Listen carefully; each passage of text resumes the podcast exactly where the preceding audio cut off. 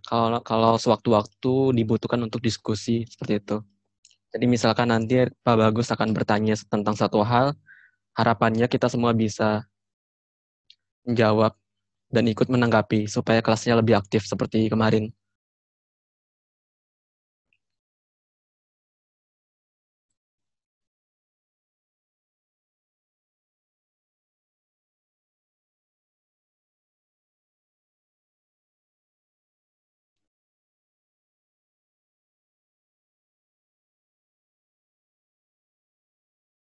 Hmm, sambil mengisi waktu mungkin um, kalau misalkan teman-teman semua ada yang ingin memberikan tanggapan suatu diskusi atau pertanyaan tentang kuliah ini itu boleh juga disampaikan secara langsung. Bisa disampaikan secara langsung lewat voice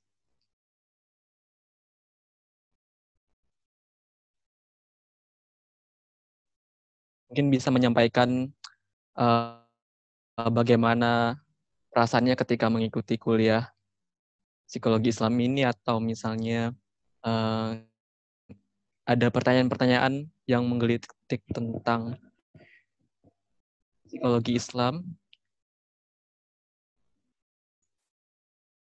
Kalau misalkan nanti tidak ada yang uh, mau menanggapi, mungkin saya akan minta ya, biar saya tidak sendiri di sini ngomong sendiri. Ya saya harap teman-teman semua di sini bisa bersiap-siap untuk menjawabnya seperti itu.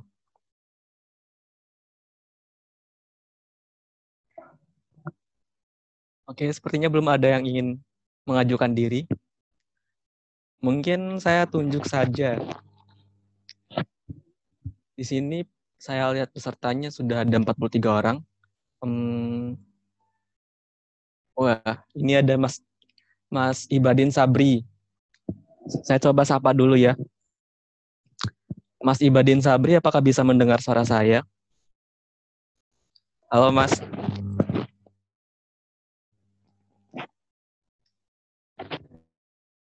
Oh, kalau bisa mendengar langsung di unmute ya. Oh, sepertinya belum bisa mendengar, sedang menunggu. Kalau misalkan Mas Imam, Mas Imam Faisal Hamzah, apakah bisa mendengar suara saya?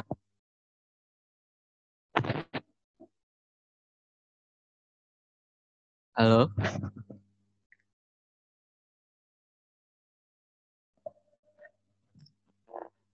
Sepertinya belum ada tanggapan.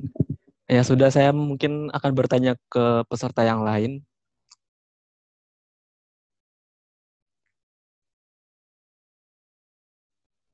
Oh iya, mungkin sebagian peserta ada yang uh, ini ya, ada sedang uzur gitu. Ada masih berhalangan. Oke, saya pindah ke peserta lainnya. Uh, ke Saudari Wahada Nadia. Mbak Wahada, apakah bisa mendengar suara saya? Iya, gimana? Oh iya, uh, kita kan sudah uh, kuliah insani berjalan sekitar lima pertemuan nih. Uh, kira-kira apa sih insight atau yang Mbak rasakan di kuliah ini tuh?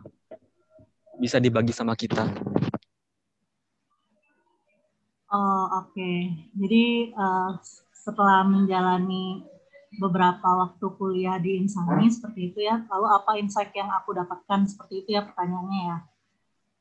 Oh ya, benar. Uh, ya, jadi hmm, kalau boleh cerita, hmm, pasti pastinya pasti banyak banget ya yang didapatkan dari perkuliahan dengan Pak Bagus, juga dengan sesi sharing dengan teman-teman sekalian. Uh, yang aku paling kalau insight pribadi adalah tentang bagaimana sebenarnya aku aku dari aku pribadi sebenarnya harus lebih mensyukuri lagi nikmat menjadi seorang muslim seperti itu karena dari yang aku dari yang aku pelajari dari beberapa ikut sesi insani, mungkin ada beberapa sesi yang aku lewatkan seperti itu, aku merasakan bahwa sebenarnya kenikmatan yang paling utama itu adalah dilahirkan menjadi seorang muslim. Karena sebenarnya dari penjelasan-penjelasan yang sudah diikuti sebelumnya, ada banyak hal yang sudah diatur dalam Islam, namun kitanya saja sebagai seorang manusia, khususnya saya, mungkin masih terkadang mengedepankan ego dan mungkin juga nafsu seperti topik yang akan dibahas pada siang ini seperti itu. Uh, mungkin itu kalau boleh sharing sedikit. Terima kasih.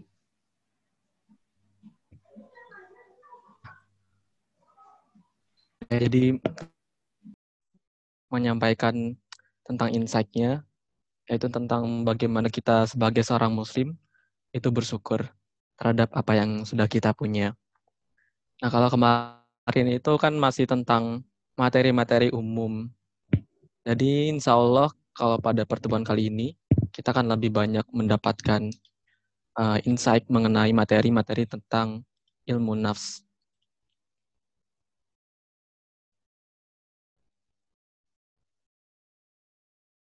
Uh, baik, mungkin teman-teman yang lain masih ada yang ingin menanggapi atau ingin memberikan insight-nya juga mengenai kuliah kita selama ini, selama pertemuan-pertemuan yang kemarin, mungkin ada sesuatu yang ingin dibagikan atau ada unek-unek gitu yang bisa diambil ibrohnya.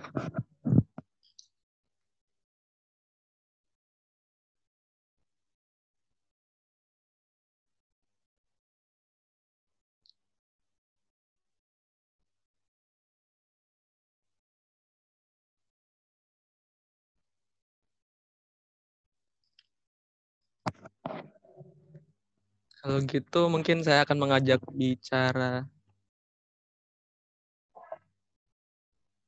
hmm, Mas Kintara.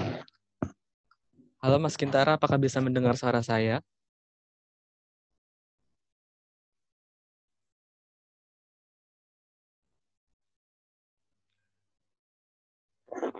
Oke, sambil, sambil menunggu respon, mungkin teman-teman yang baru bergabung jadi insya Allah kalau kesempatan hari ini mulainya agak telat.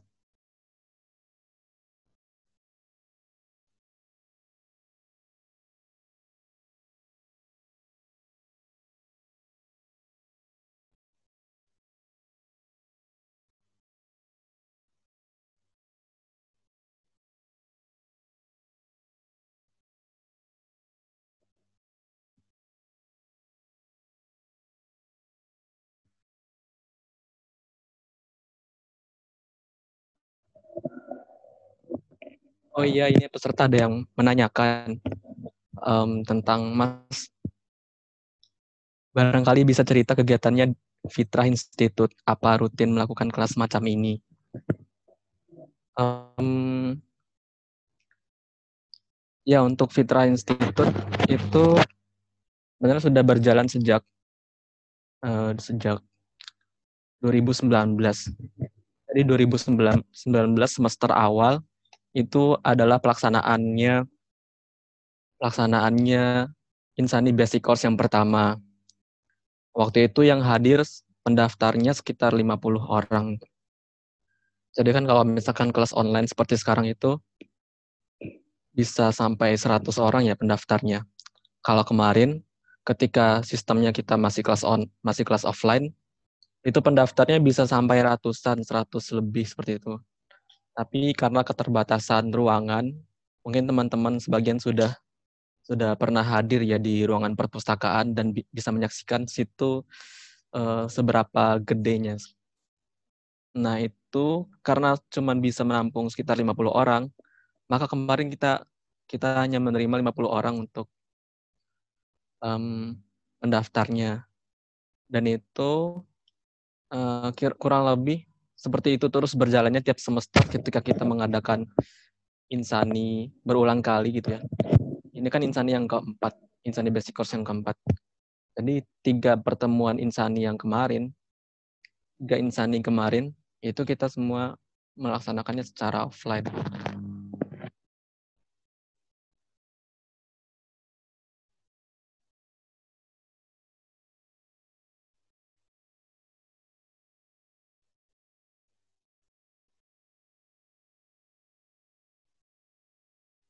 Kodarullah karena sekarang di corona, hmm, ya udah kita akhirnya memutuskan tetap menjalankan isani tapi dengan sistem online seperti itu.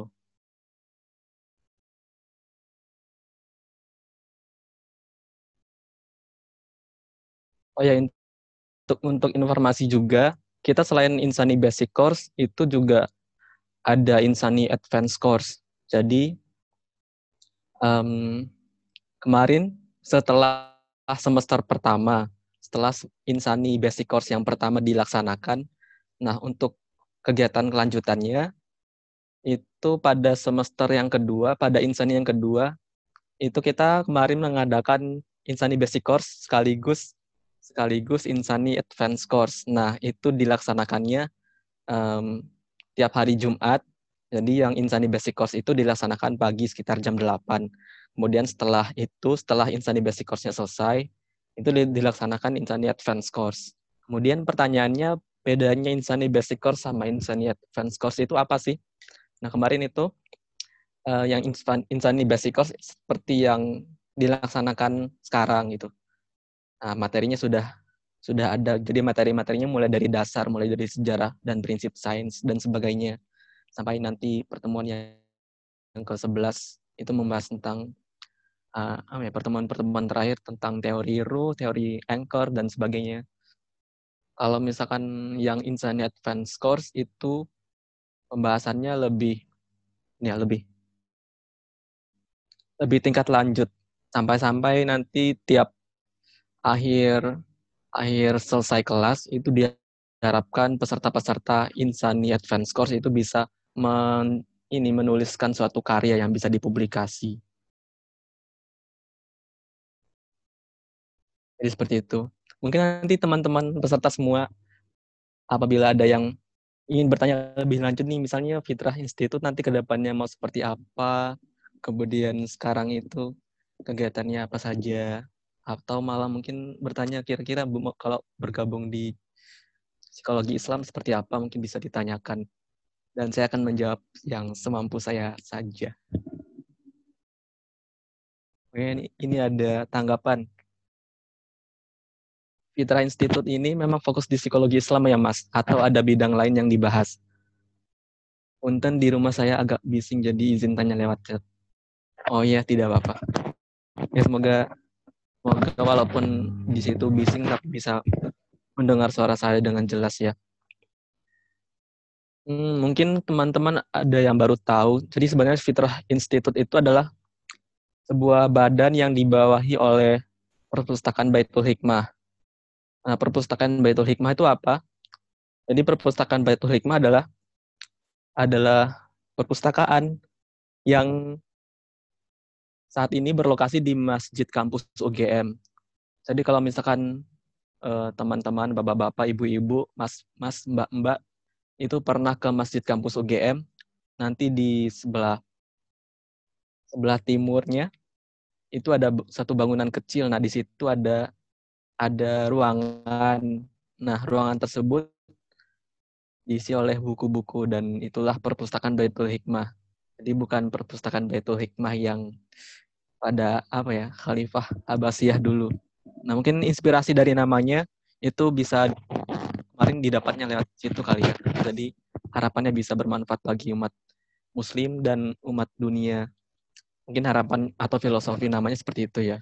Nah kemudian di perpustakaan itu ada banyak ada banyak cabang atau ada banyak bagian-bagian seksi-seksi yang mengurusi beberapa kepengurusan misalnya tentang yang media, kemudian ada yang mengurus tentang uh, kepustakaan, koleksi buku, pendataan, penataan, dan sebagainya.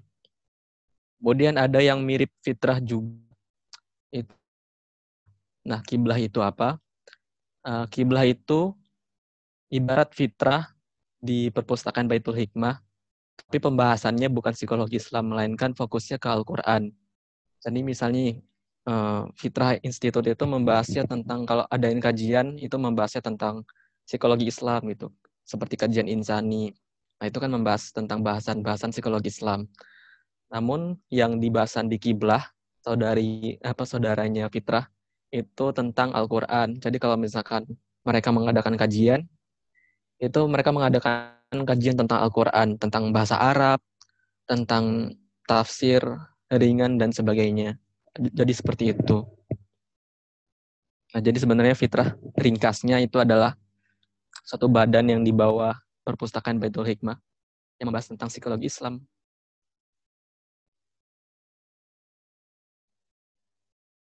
Ya mungkin kalau ada pertanyaan ataupun tanggapan atau penasaran tentang apa nih, itu boleh ditanya lewat kita.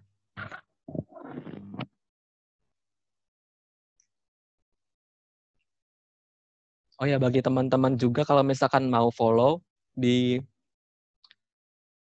di Instagram juga itu sudah ada akunnya akunnya uh, perpustakaan Baitul Hikmah dan akunnya Fitrah juga ada.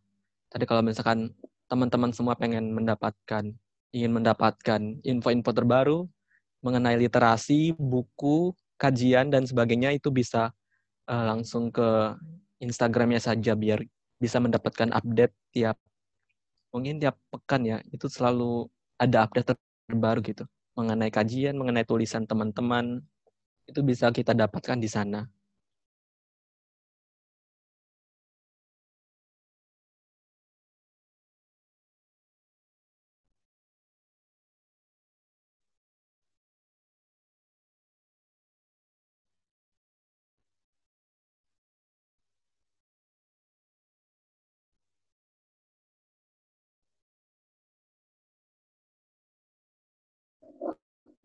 Oh ya mungkin ada teman-teman yang sedikit kendala ketika mengikuti Zoom. Ini ada yang izin untuk menyimak lewat YouTube. Jadi eh, silakan ketika teman-teman semua ada yang berhalangan atau yang ada yang kendala.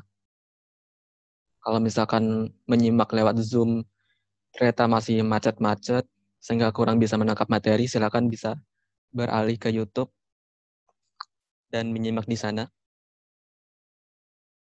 Tapi juga masih bisa memberikan tanggapan ya. Mungkin nanti lewat itu saja, lewat lewat chat, bisa lewat chat titip ke panitia buat disampaikan pertanyaan atau diskusinya. Seperti itu. Jadi walaupun tidak mengikuti kelas di Zoom secara langsung, bisa mengikuti menyimak lewat YouTube mungkin di sana jaringannya juga lebih lancar ya kalau YouTube. Saya juga masih kurang paham gitu. YouTube itu kalau apa-apa lebih lancar daripada streamingan Facebook, streamingan Instagram.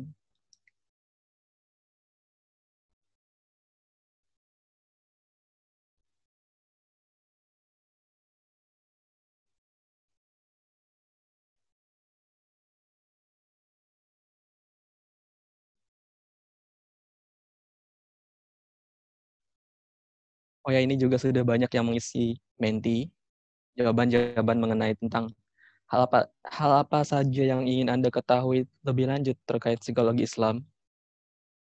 Sudah ada banyak jawaban. Oh, saya telah menemukan komunitas ilmiah yang saya butuhkan. Ya, saya ucapkan selamat kepada peserta yang sudah menemukan komunitas ilmiah.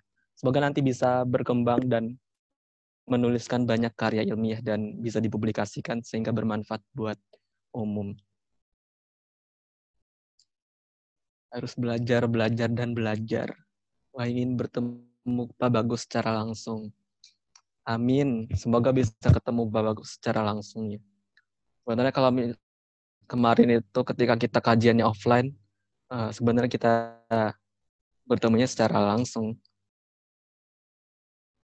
dan mungkin kalau misalkan ada yang ingin diskusi lebih lanjut itu sebenarnya bisa selesai kelas bisa langsung bertanya gitu. Tapi qadarullah sekarang uh, sedang masa pandemi ya semoga nanti kita bisa bertemu secara langsung gitu. Entah di insani berikutnya atau bagaimana nanti. Ya doain aja supaya nanti kalau kalau misalkan peserta yang sudah ikut Insani Basic Course bisa mengikuti Insani yang lebih lanjut atau Insani yang advance biar kita bisa tetap uh, stay in touch dan bisa berdiskusi lebih lanjut dengan Pak Bagus.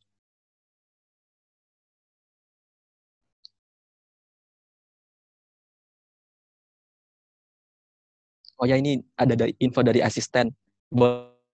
boleh jika ada peserta yang di Jogja ingin silaturahmi ke Pak Bagus. Jadi silakan teman-teman semua uh, atau peserta yang kira-kira pengen datang, pengen sawan ke rumahnya Pak Bagus, insya Allah di Jogja bisa. Itu uh, alamatnya di ini ya, Condong Catur. Jadi kalau misalkan dari sekitaran UGM, UNY, ini dekat ya sekitar 10 menit 15 menit sampai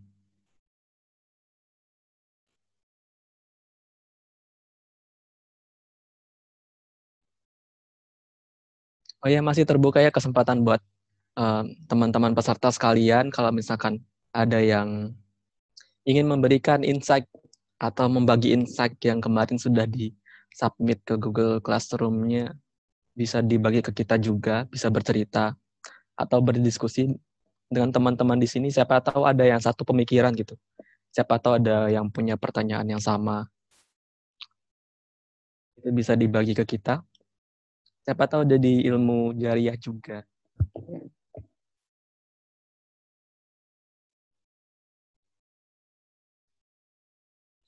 Kalau ada yang mau bicara, mungkin langsung unmute saja ya.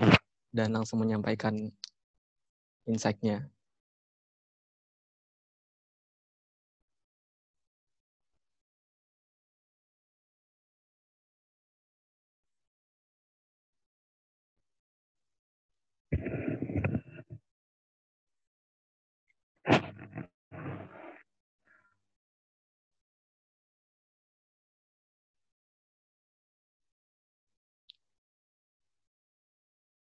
Eh sambil menunggu Pak Bagusnya hadir, mungkin teman-teman peserta semua bisa baca ini ya jawaban-jawaban yang sudah disampaikan.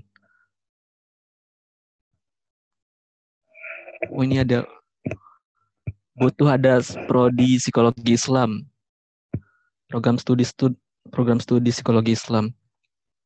Hmm, mungkin kalau di Indonesia setahu saya baru ada satu gitu di Solo. Saya lupa kampusnya apa. Jadi mereka sudah punya program studi psikologi Islam. Jadi bukan psikologi umum. Sudah psikologi Islam namanya. Kan kalau misalkan di kampus-kampus lain, nah seperti di UGM, itu kan cuman adanya psikologi. Kalau psikologi Islam belum ada.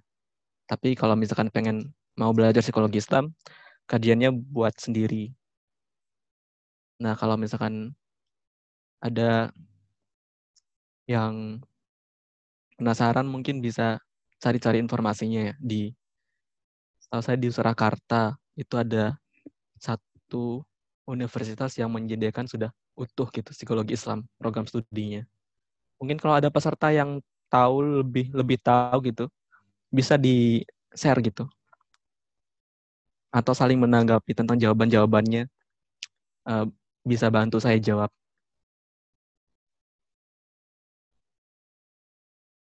Nah, ini seperti ada yang menjawab nih. Uh, saya belum banyak mendalami referensi psikologi Islam. Ada yang punya saran referensi?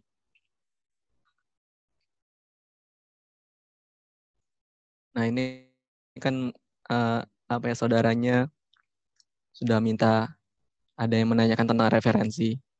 Mungkin teman-teman semua atau dari panitia, dari siapa pun, bisa saling membagi referensinya mengenai sumber belajar psikologi Islam.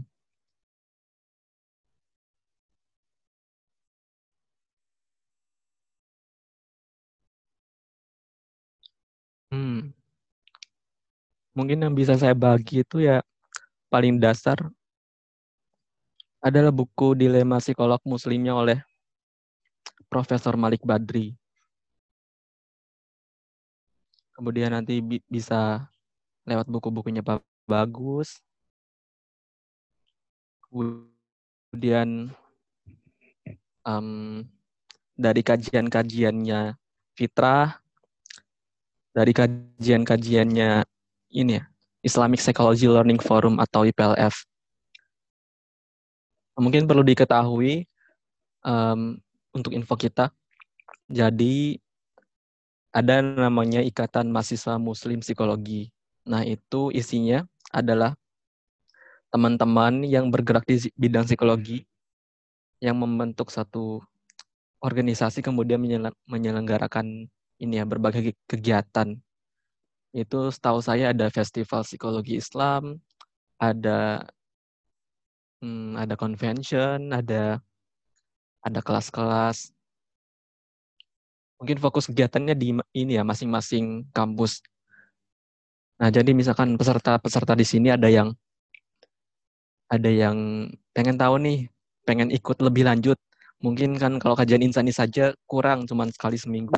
Itu boleh banget boleh banget cari informasinya ke lewat Imam Mupsi namanya atau Ikatan Mahasiswa Muslim Psikologi. Biasanya tiap kampus yang ada program studi psikologi Islam, program studi psikologi itu ada yang ini mahasiswa muslimnya yang membentuk kajian-kajian seperti itu.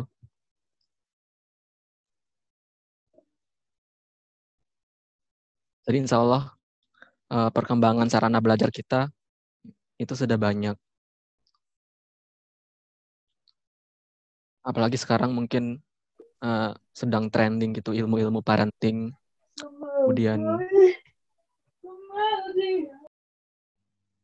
kemudian ilmu-ilmu tentang keluarga, seperti yang diselenggarakan oleh Islamic Psychology Convention kemarin ya oleh IPLF-nya UGM. Di situ temanya tentang ya pendidikan, tentang keluarga.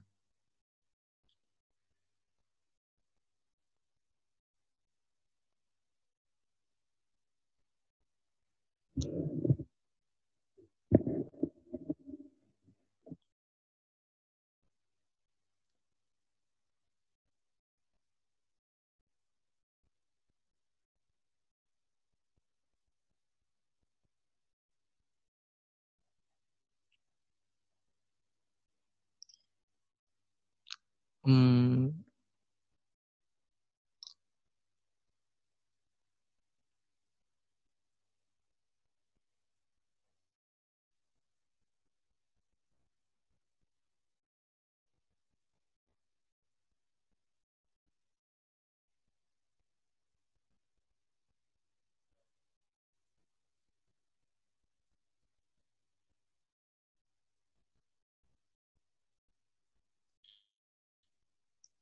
Oh ya, ada informasi dari asisten.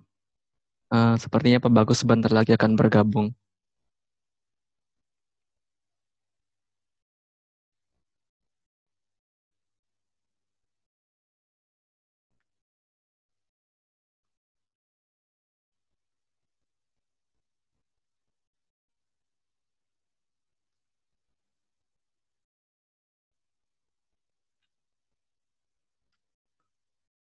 Alhamdulillah.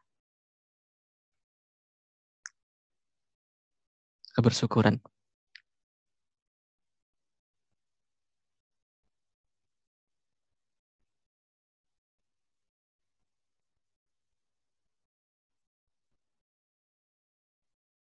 Oh ya, buat link presensi mungkin nanti akan segera dibagikan ya.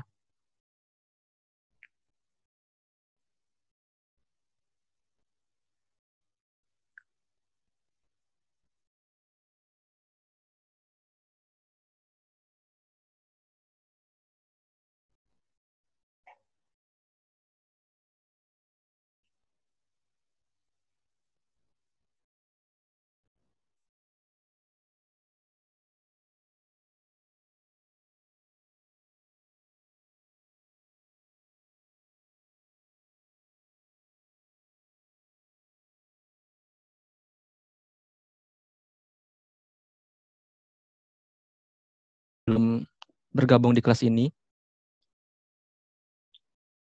itu sudah kami sediakan. Maaf kalau misalkan suara saya agak terganggu. Uh, di Google Class itu sudah kami sediakan pretest. Jadi silakan bagi peserta yang belum mengerjakan agar segera mengerjakannya. Oh ya, nampaknya Pak Bagus sudah bergabung dengan kita. Assalamualaikum Pak Bagus. Waalaikumsalam warahmatullahi wabarakatuh. Ya, gimana kabarnya Pak Bagus? Semoga Sehat selalu ya Pak. Alhamdulillah. Alhamdulillah. Ini banyak acara tumbuk-tumbuk nih semakin padat. Akhir oh, iya. tahun. Ya. Iya, sepertinya Pak Bagus sejak kemarin-kemarin kemudian mengisi di IPC itu banyak sekali kegiatannya Pak. Ya semoga saja Pak Bagus ya, selalu diberikan kesehatan untuk menjalankan semuanya. Uh, boleh saya buka langsung Bang untuk ya, segera mulai. Pak. Ya. Oh ya. Ya udah saya mulai dari apa lagi? Bismillahirrahmanirrahim. Assalamualaikum warahmatullahi wabarakatuh. Alhamdulillah wassalatu wassalamu ala asrafil anbiya wal mursalin wa ala alihi wa ajma'in amma ba'd. Alhamdulillah kita sudah um, didatangi oleh Pak Bagus. Kita sudah bergabung dengan Pak Bagus. Hmm, pertama-tama, mari kita panjatkan puja dan puji syukur kita atas segala nikmat yang telah Allah berikan di tengah di tengah keadaan-keadaan yang mungkin serba tidak pasti seperti seperti sekarang. Tapi kita diberikan kesempatan oleh Allah untuk belajar meskipun hanya lewat online. Namun meskipun dengan online, semoga kita semua bisa tetap mengambil berkahnya majelis ilmu seperti itu. Kemudian salawat dan salam mari kita haturkan kepada junjungan kita Nabi Muhammad SAW juga pada juga para kepada para istri beliau kepada sahabat-sahabat yang telah mengorbankan harta, jiwa, darah dan air matanya gitu untuk untuk kepentingan Islam gitu. Uh, kita bisa menikmati kajian psikologi Islam insani saat ini itu karena perjuangannya uh, mereka juga kita merasakan manisnya dari hartanya Abu Bakar, hartanya Umar, kemudian atas partisipasi jihad mereka kita semua bisa menikmati indahnya Islam seperti sekarang. Uh, baiklah, saya ucapkan selamat datang pada peserta semua. Uh, semoga dalam keadaan yang sudah siap menerima materi uh, pertama-tama saya ingatkan lagi kepada peserta untuk uh, nanti bisa mengisi presensi dan jangan lupa pretest dulu sudah disediakan di Google Classroom. Kalau sudah pretest baru boleh bergabung. Hmm, baik, mungkin itu saja pembukaannya. Selanjutnya, mari kita sama-sama bersiap untuk menerima materi. Silakan teman-teman semua bisa menyiapkan catatannya, menyiapkan posisi yang paling nyaman agar kita semua bisa mendapatkan materi dengan maksimal. Seperti itu, langsung saja saya beri kesempatan pada Pak Bagus untuk menyampaikan materi. Uh, pada Bapak, saya persilahkan. Baik, terima kasih. Eh, Bismillahirrahmanirrahim. Assalamualaikum warahmatullahi wabarakatuh. Waalaikumsalam warahmatullahi wabarakatuh. Innalhamdulillah, nahmaduhu wa nasta'inuhu wa nasta'fir.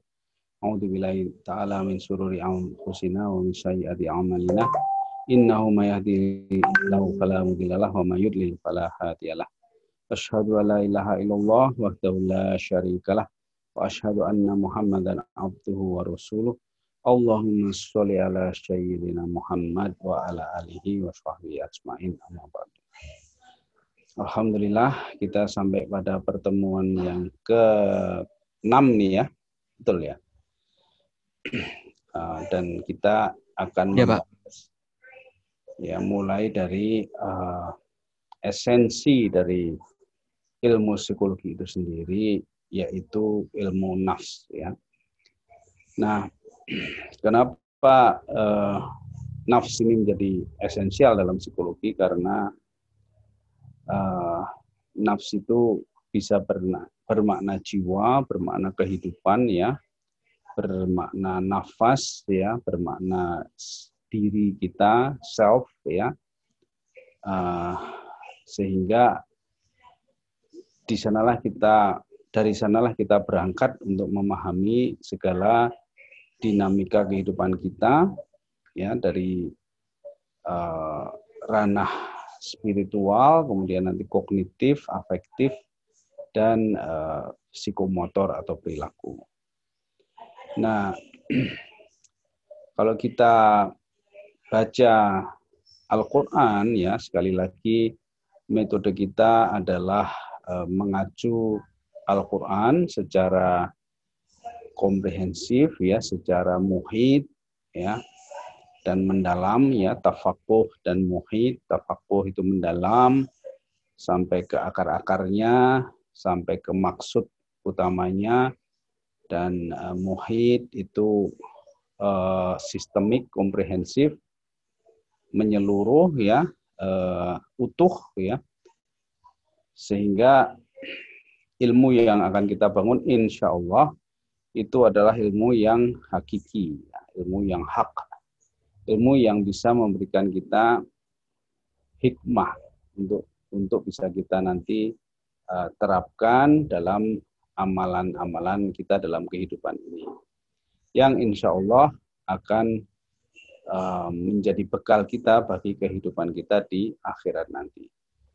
Itu adalah uh, prinsip uh, makosid yang kita gunakan dalam pendekatan psikologi Islam ini. Nah, Nafs adalah konsep yang paling inti, paling mendasar tentang diri manusia, ya, yang di dalamnya terdapat potensi, terdapat dinamika, ya, uh, sehingga dengan mempelajari konsep dan dinamika nafs ini, uh, kita diharapkan bisa lalu memandang atau memiliki cara pandang yang uh,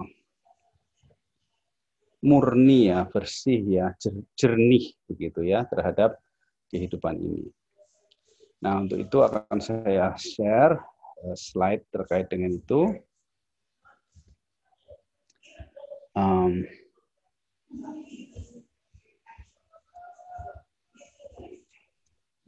kita buat slideshow dulu.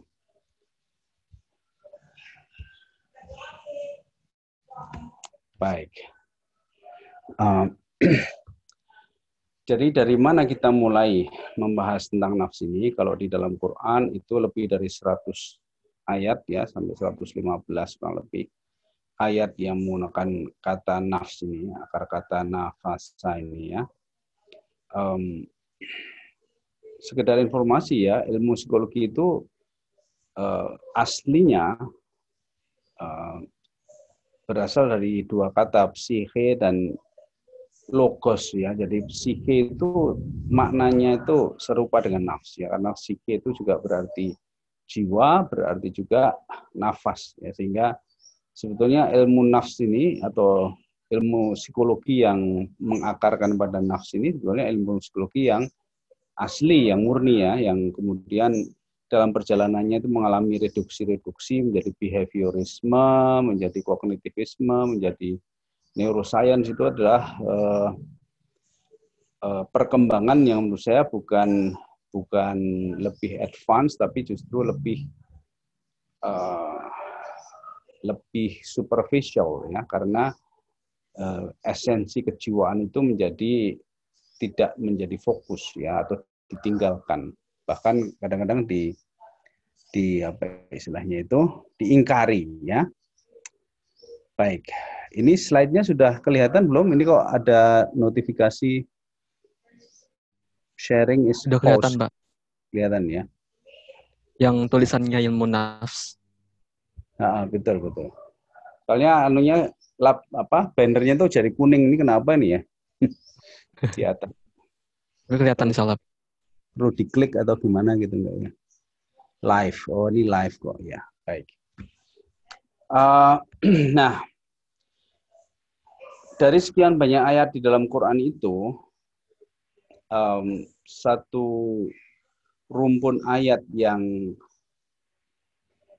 uh, menurut kajian makosid ini sebagai akar dari atau tempat mulainya kita belajar tentang nafsu itu adalah surat As-Syams ya, As-Syams wasamsi wa duhaha wa qamari talaha wa nahari idza jalaha wal, wal laili idza was samai wa ma banaha wa, wa ardi wa ma tuhaha wa nafsi wa ma sawaha wa nafsi wa ma sawaha. Jadi uh, pembukaan surat itu me menggambarkan adalah sebuah metafora ya dari alam semesta yang lalu mengerucut pada uh, kabar atau berita atau tanda tentang diciptakannya nafsu ini yang sempurna begitu ya. Nah, metaforanya itu eh, selalu ter, terdapat dualisme di sana ya, ya. Jadi antara matahari dan rembulan, siang dan malam, eh, kemudian langit dan bumi ya. Jadi itu adalah metafora tentang nafs itu. Lalu eh, nafs itu sendiri dilanjutkan dengan satu uh, kabar berita atau ayat yang mengatakan bahwa uh, dalam nafs itu lalu uh, diilhamkan ya fa'alhamaha fujuroha wa taqwaha sehingga di dalam nafs itu terjadi uh, apa yang disebut dualitas ya atau uh, pluralitas atau dualitas ya karena cuma dua di situ ya ada dua hal yang ditanamkan, diilhamkan ke dalam nafs setiap manusia itu. Ya, uh, ini tadi surat asamsnya ya.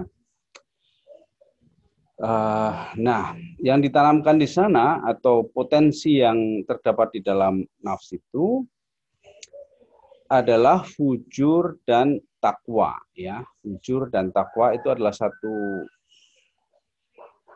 paket ya. Two in one ya. Satu paket yang ada dalam jiwa manusia itu.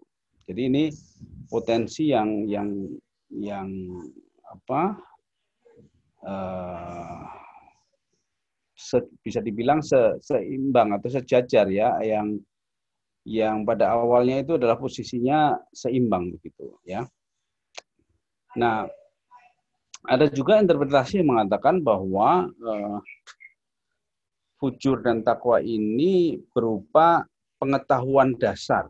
Jadi semacam kemampuan membedakan antara fujur dan takwa. Artinya bahwa setiap manusia itu sebetulnya uh, jiwanya itu sudah membawa sifat furqon gitu ya kalau kita terjemahkan secara bebas ya. Sifat yang membedakan ya. Suatu sifat yang mampu membedakan antara fujur dan takwa. Interpretasi yang lain mengatakan bahwa jiwa itu sendiri memiliki dua macam potensi, yaitu fujur dan takwa. Nanti fujur itu apa, takwa itu apa, kita akan bahas ya. Uh, tapi kita mungkin kembali dulu mengenai uh, potensi untuk membedakan itu. Itu uh, terdeteksi secara empiris dari perilaku bayi-bayi yang baru lahir atau bayi-bayi yang masih belum uh, mampu berbicara, ya. Uh, itu sudah bisa membedakan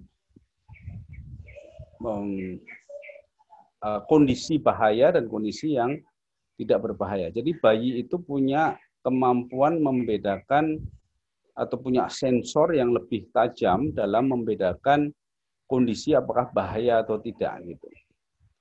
Jadi ketika terjadi misalnya ancaman atau mungkin uh, apa ben, ke, ap, akan terjadinya suatu bencana ya itu bayi itu lebih dulu merasakannya. Ya dia akan rewel atau gelisah ya dan sebagainya. Lalu juga eh, ketika bayi itu sudah mulai bisa melihat ya itu dia akan lebih menyukai melihat wajah-wajah yang gembira ya, wajah-wajah yang cerah ya. Wajah-wajah yang cantik begitu ya, yang indah gitu. Daripada wajah-wajah yang cemberut, yang marah, yang apa? Eh, penuh dengan kebencian dan sebagainya itu. Dan ini ini penelitian eh, apa ya empiris ya. Artinya penelitian-penelitian itu mengindikasikan ya menunjukkan bahwa potensi untuk mendeteksi fujur dan takwa itu eh, sudah nampak pada uh, anak-anak yang baru lahir walaupun belum bisa ngomong atau belum bisa bicara. Oke. Okay. Uh, kemudian indikator yang lain adalah bahwa uh, seorang apa uh, bayi ya seorang bayi yang yang uh, semenjak di dalam kandungan itu selalu diperdengarkan ayat-ayat Quran maupun setelah lahir itu selalu diperdengarkan ayat-ayat Quran itu biasanya dia lebih tenang ya lebih tenang uh, dalam uh, apa kepribadiannya begitu kurang lebih ya jadi ini ini anu ya bukti-bukti empiris yang menunjukkan bahwa uh, fujur dan takwa itu bisa juga bermakna kepekaan untuk membedakan. Oke. Okay? Baik. Nah, dalam perkembangannya manusia itu ya uh, dia akan memiliki dua jalan, dua alternatif jalan ya. Nafs itu akhirnya nanti akan dalam kehidupannya akan menemukan uh, dua jalan yang bercabang uh, secara konsep ya, secara moral begitu. Dua jalan itu adalah taskia atau tajsiyah ya. Fa'alhamaha fujuruha wa taqwaha qad aflaha man zakaha wa qad khaba man dasaha. Jadi mereka yang mereka akan sukses ya aflaha falah falah itu artinya sukses ya akan akan makmur akan berjaya begitu ya akan beruntung ya aflaha itu berarti beruntung ketika mereka memilih jalan takwa eh, sorry taskia ketika mereka memilih jalur taskia atau mereka ketika mereka melakukan taskia ya dalam nafsnya itu Makanya akan muncul uh, istilah yang sangat populer itu namanya taskiyatun nafs ya. Jadi taskiyatun nafs itu memang jalan yang dianjurkan ya, yang akan menjamin kepada falah ya atau akan uh, aflaha tadi. Sementara itu akan celakalah ya koba. Koba itu kobaman dasaha ya. Koba, koba itu artinya kesengsaraan ya, kecelakaan dan sebagainya itu uh, bagi mereka yang memilih jalan yang tadsiyah ya. Nah, ini juga nanti akan kita bahas ya. Tazkiyah itu secara secara singkat adalah yang membersihkan dirinya ya. Uh, nafs yang yang selalu membersihkan dirinya. Ini sudah kelihatan slide-nya juga sekarang yang bercabang. Belum Pak, masih slide pertama oh, iya. yang tulisannya ilmu nafs. Makanya tadi kuning itu artinya itu ya. Ini harus saya klik apa aja nih? Sebentar. Sekarang malah nggak kelihatan ya? Belum, masih slide yang satu. Sebentar, ini harus saya ganti settingnya nih. Ini saya belum belum familiar dengan ini. Coba saya klik. uh, sini bisa enggak kenapa ini post atau saya unshare dulu nanti saya share ulang kembali. Oh ya, baik Pak, boleh. Um, saya belum bisa anu ini sering terjadi seperti ini nih, jadi saya juga tidak tahu kenapa bagaimana caranya kecuali di restart sharingnya.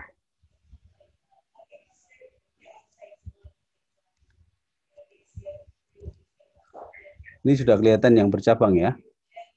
Sudah, sudah kelihatan yang panah-panah itu. Baik, jadi tadi kan kita membahas tentang surat Asam tadi, ini surat Asamnya. Uh, kemudian ini adalah uh, diagram yang menggambarkan model yang menggambarkan uh, ayat-ayat dalam surat Asy-Syams ini yang terkait dengan nafs tadi. Baik. Jadi mungkin nggak usah saya slideshow aja biar nggak uh, mandek ya. Ini yang penting bisa kelihatan. Mungkin ya sudah Pak. Ya. Ini saya tutup saja. Baik, biar lebih jelas. Baik, pakai ini aja. Baik, jadi sekali lagi um, nafs itu itu diciptakan dengan potensi fujur dan takwa yang bisa juga bermakna adalah kemampuan membedakan yang fujur dan yang takwa gitu ya. Sehingga eh, ketika dia melakukan taskia yaitu mensucikan dirinya itu dia akan sukses ya dia akan berjaya dia akan beruntung ya tapi kalau dia melakukan tatsia yaitu mengotori jiwanya maka dia akan uh, menderita ya, atau apa merana begitu ya koba nah takwa potensi takwa itulah yang akan uh, berkembang bersama dengan jalur taskia. Oke. Okay. Nah, potensi fujur itu akan berkembang dalam jalur taskia. Jadi ini ini dinamika ya, suatu yang dinamis ya. Jadi ada potensi, lalu ada aksi ya, dan aksi itu akan berdampak pada perubahan potensi itu. Nah, sekarang apa itu fujur ya? Uh, apa ya fujur? Fujur itu fajara ya, fajara itu uh, artinya sesuatu yang memancar ya, sesuatu yang muncrat. Jadi kata fujur ini, fajar ini seperti fajar ya. Fajar itu kan sinar matahari yang memancar dari cakrawala gitu ya. Tadinya gelap tiba-tiba fajar ya sinar. Mataharinya belum kelihatan, tapi sinarnya sudah melampaui cakrawala. Itu fajar. Tapi fajar ini juga dimetaforkan atau dipakai untuk menggambarkan air yang mencerat dari uh, apa batu yang dipukul oleh tongkat Nabi Musa ya. Jadi pada saat uh, Nabi Musa memimpin Bani Israel untuk eksodus menuju Palestina itu waktu di perjalanan ada Eh, saat kehabisan air begitu lalu Nabi Musa memukulkan tongkatnya kepada sebuah batu besar gitu lalu mem memancarlah 12 eh, mata air sehingga setiap-tiap suku karena uh, Bani Israel itu ada 12 suku ingat kisah Nabi Yusuf ya Nabi Yusuf itu kan 12 bersaudara Nabi Yusuf nomor 11 lalu Benyamin itu nomor 12 sementara yang 10 adalah kakak-kakaknya yang menceburkan Nabi Yusuf ke dalam sumur itu adalah 10 orang. Dan itu lalu berkembang menjadi 10 12 eh, suku dari Bani Israel ya. Nah, Nabi Musa mem memukulkan tongkatnya, maka memancarlah 12 mata air. Nah, memancarnya mata air ini juga dengan kata fajar, fujur, fajar ya. Nah, artinya apa? Berarti fujur itu artinya sesuatu yang memancar, yang mencuat begitu, yang melampaui batas ya yang uh, uh, apa sesuatu yang melampaui batas ya. Perilaku yang melampaui batas. Nah sehingga manusia itu sejak lahir atau uh, fitrahnya ya atau dalam penciptaannya dalam nafsnya itu sebetulnya memang ada potensi untuk melampaui batas. Namun demikian, di samping itu ya bersamaan dengan itu dia juga memiliki potensi takwa yaitu potensi untuk menjaga batas atau menahan diri supaya tidak melampaui batas. Ya, takwa ini kan sering dimaknai sebagai takut ya, dimaknai sebagai berhati-hati ya. Uh, uh, Umar bin Khattab uh, radhiyallahu anhu itu pernah bercerita tentang ilustrasi takwa ini. Jadi bagaimana takwa itu ibarat kita belajar di jalanan yang penuh duri. Maka kita akan berjalan itu dengan penuh perhatian cautious ya, cautious itu sangat berhati-hati karena jalannya penuh duri. Nah, itulah ilustrasi orang yang bertakwa dan jalan itu adalah ilustrasi kehidupan dunia ini ya. Jadi dunia ini adalah sebuah jalan yang penuh dengan jebakan ya, penuh dengan duri, penuh dengan uh, apa? perangkap ya, godaan dan sebagainya. Nah, orang yang bertakwa dia sangat berhati-hati akan menjaga diri supaya tidak melampaui batas. Tapi uh, fujur ketika orang itu fujur maka dia tidak peduli dengan uh, risiko bahaya uh, kesesatan dan sebagainya dia nabrak aja gitu melampaui batas itu. Oke, okay? jadi itu itu adalah uh, makna dari fujur dan takwa. Nah, uh, dari pengamatan saya yang namanya anak kecil ya dalam pertumbuhannya setelah dia melalui masa bayinya, dia mulai umur tiga tahun, empat tahun, lima tahun itu mulai kalau dalam bahasa psikologi itu ada istilah yang namanya temper tantrum ya. Nah, temper tantrum ini adalah sebetulnya kalau kita pahami dari ilmu nafs ini adalah satu uh, ekspresi dari potensi fujur ya. Bagaimana dia minta sesuatu harus sekarang ya. Lalu mintanya sambil nangis-nangis, marah-marah dan sebagainya. Itu adalah potensi fujur. Tapi di sisi lain anak-anak itu juga uh, tidak jarang uh, berperilaku sangat manis gitu ya, sangat penurut ya, uh, disuruh apa-apa mau ya. Dan dan bahasa Jawanya itu meraati ya, uh, menyejukkan hati, menyejukkan makna ya, kulo ta'ayun dan sebagainya itu itu adalah potensi takwanya gitu. Sehingga uh, ini nanti ada aplikasinya juga dalam bidang parenting ya, bagaimana kita mensikapi anak itu uh, supaya dia sejak tumbuh secara sehat, yaitu dengan cara memahami potensi fujur dan takwanya ini dan memperlakukannya secara uh, proporsional ya dengan akal sehat, tidak melebih-lebihkannya ya. Dan ini terbukti, ya ini langsung saya kaitkan dengan perkembangan ilmu uh, psikologi dewasa ini bahwa anak-anak yang tidak boleh nakal ya, yang selalu ditekan supaya jadi anak baik terus ketika masa kecilnya, itu justru jiwanya tidak akan tumbuh sehat ya dalam kasus tertentu itu menjadi salah satu sebab terjadinya uh, gender confusion ya dia kalau dia anak laki-laki masa kecilnya itu digalai terus oleh orang tuanya sehingga dia tidak sempat nakal waktu kecilnya maka dia berpotensi menjadi homoseksual. Nah, penjelasan psikologisnya karena biasanya yang keras itu adalah bapaknya dan dia lalu menjadi ragu apakah dia itu betul-betul laki-laki karena dia tertekan ya oleh bapaknya yang selalu uh, tidak mau memahaminya dan selalu menentang apa istilahnya mengaturnya, menekannya biar dia jadi anak manis dan sebagainya.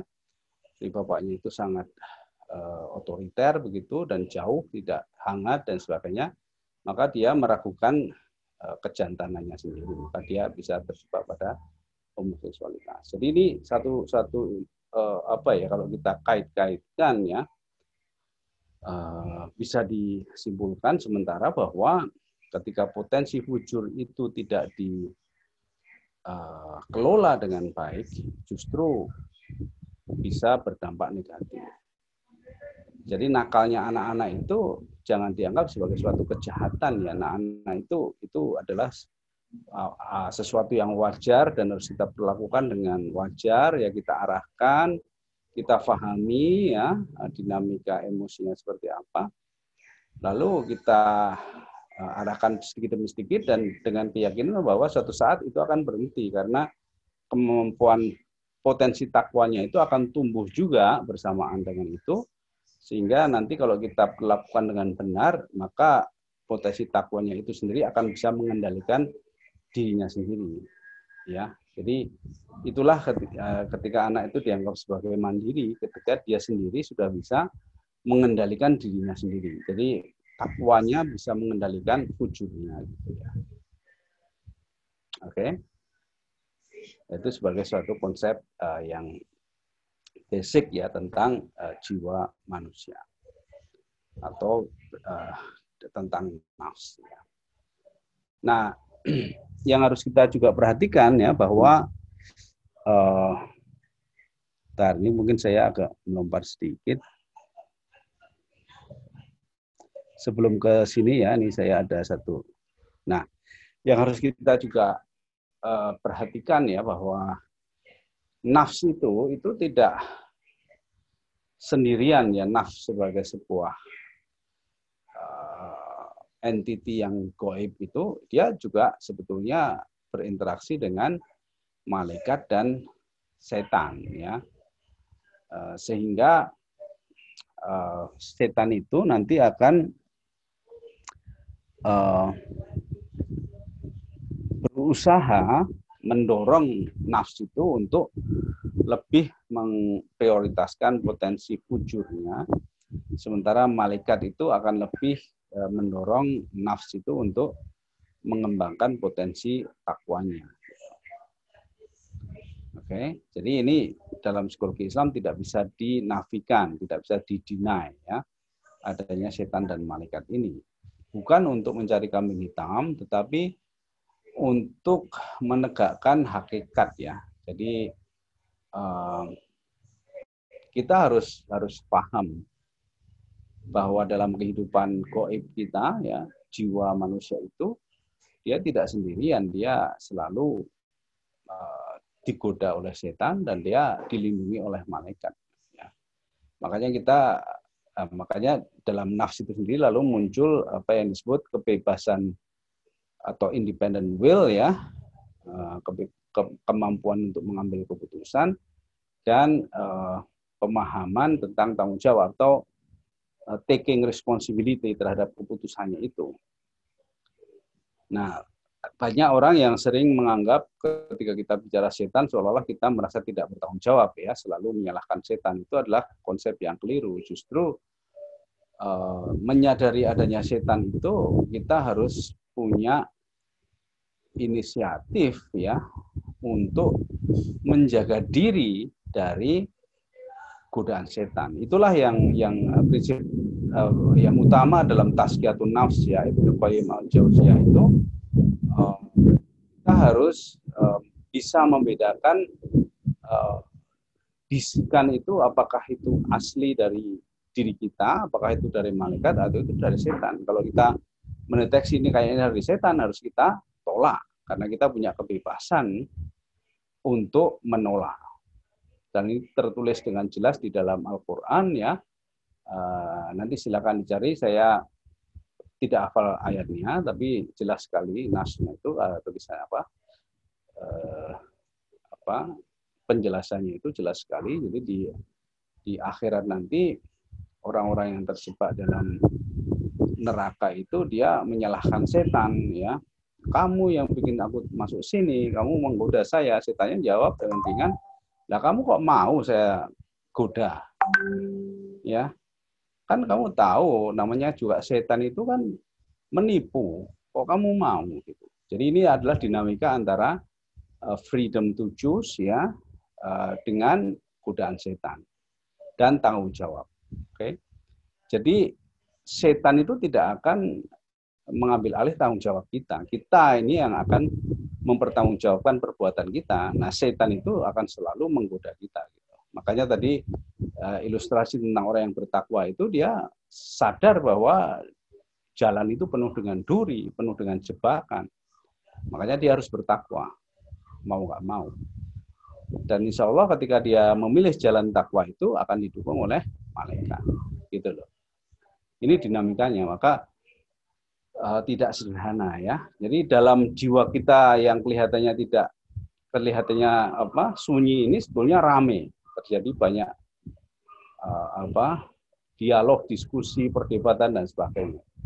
Dan yang menarik ini cerita dari almarhum uh, Pak Fatul Imam uh, waktu beliau kuliah di Amerika uh, metode kualitatif itu ada satu dosennya yang dia pas satu sesi kuliah dia dia masuk kelas tapi kemudian dia cuma duduk aja di depan mejanya. Itu hampir sampai satu jam. Nggak ngapa-ngapain duduk aja di situ. Jadi mahasiswanya itu mulai kelisian kalau bahasa Jawanya itu ya. Mulai tadinya menunggu dia mau ngomong apa. Lama-lama kok nggak ngomong-ngomong. Diem aja gitu. Nah setelah itu berlalu maka dosennya itu bilang e, ketahuilah bahwa dalam kesunyian itu sebetulnya rame gitu ya. Jadi uh, silence itu sebetulnya uh, relatif ya. Jadi mungkin secara sense sense apa sensis ya secara pendengaran kita tidak mendengar apa-apa tapi sebetulnya di dalam jiwa masing-masing orang itu terjadi keramaian ya. Ya the power of silence itu oke okay, jadi ini ini uh, jangan dikira apa istilahnya hal ini tidak disadari oleh Eh, psikolog-psikolog yang non Muslim mereka menyadari juga, cuman mereka nggak bisa menjelaskan. Cuman kalau dalam psikologi Islam jelas penjelasannya. Nah, di sana ada setan, ada malaikat, ada uh, nafs ini. Nafs ini juga bergejolak, dia punya keinginan, punya kebebasan, punya imajinasi dan sebagainya. Ya, jelas ya. Jadi ketika kita bicara setan malaikat itu bukan berarti uh, sesuatu yang tidak bisa dipahami oleh orang muslim, cuman orang non muslim tidak bisa menjelaskan. Mereka merasakan tapi nggak bisa menjelaskan. Oke. Bahkan ada filmnya ya tentang setan ini ada filmnya ya. Artinya Hasanah yang populer aja itu sudah menyadari ya. Film yang cukup mencekam dan bagus penggarapannya itu sangat mencekam. Ada dua sih film yang saya sempat mengamati ya. Pertama judulnya Seven, ya itu yang main Brad Pitt sama Morgan Freeman sama siapa itu Kevin Spacey ya. Jadi tiga bahkan pemain perempuannya itu Gwyneth Paltrow jadi empat pemain top Hollywood itu pemain dalam satu film judulnya Seven itu ceritanya tentang pembunuhan ya pembunuh berantai ya yang itu uh, sangat mengerikan ya. Dan di situ ada ada setan yang tidak kelihatan tapi uh, bermain di dalam ceritanya itu. Lalu ada yang lebih agak eksplisit ini judulnya uh, Fallen ya. Itu yang bermain Denzel Washington dengan uh, satu lagi Jack Warden kalau nggak salah ya. Jack Warden atau siapa itu ya. Jadi bagaimana uh, setan itu menyusup ke dalam jiwa-jiwa orang-orang di jalan-jalan itu sehingga ketika tersusupi setan dia tiba-tiba jadi orang yang sangat kejam, sangat jahat. Ada tiga film mas. Satu lagi film ini agak anu juga ya, agak grafik gitu ya. Artinya agak ngeri lah gitu ya. Nggak boleh dilihat anak-anak itu. Itu judulnya Angel's Heart ya. Itu juga Lalu kalau secara psikologis mereka hanya menyebutnya kepribadian ganda, tapi di situ dalam film itu digambarkan bahwa itu dia mengalami kepribadian ganda karena sudah bersekutu dengan setan, namanya Lucifer gitu ya, sehingga dia eh, terombang-ambing ya, menjadi polisi tapi sekaligus menjadi penjahat dan sebagainya. Jadi ini jangan di, dikira wah ini kan doktrin atau ini kan hanya apa ke, ke, percayaan yang nggak bisa dibuktikan. Bukan gitu. Ini ini penjelasan tentang kenyataan hidup dan bahkan di Quran disebutkan uh, sesungguhnya apa janganlah engkau mengikuti langkah-langkah setan karena sesungguhnya setan itu adalah musuh yang nyata bagi jadi bukan bukan musuh yang goib gitu bukan ya musuh yang nyata real satu yang real ya. Kalau kita mendinai setan ada juga saya pernah mendapatkan YouTube gitu yang itu mendinai setan. Jadi ah setan itu nggak ada itu itu cuma diri kita sendiri. Nah, itu justru bulat dia tidak bisa menjelaskan uh, fenomena kehidupan secara hak ya secara hakiki ya. Uh, artinya dia tidak membedakan mana itu yang setan mana itu yang uh, hawa nafsu kita sendiri atau atau kecenderungan fujur kita sendiri ya. Jadi hawa nafsu itu sendiri hawa itu artinya maknanya hampir mirip dengan fujur yaitu sesuatu yang jatuh dengan melesat ya. Terbuanting dengan sangat cepat itu hawa ya hampir sama dengan fujur yang melesat melampaui batas itu ya. Jadi kalau nafsu itu nafsu jadi hawa nafsu itu ya ketika nafsu itu terbuanting ya sangat cepat ya. Artinya tidak terkendali gitulah kurang lebih begitu ya. Ketika nafsu itu tidak terkendali maka dia uh, akan mengalami fenomena yang disebut hawa nafsu. Dan itu uh, sangat erat kaitannya dengan potensi fujur tadi yang lalu diperbuat oleh uh, godaan setan ya. Jadi cara kita mem, mem, menerapkan dalam kehidupan kita sehari-hari uh, untuk tidak tergoda setan itu adalah dengan membaca A'udzubillah ya.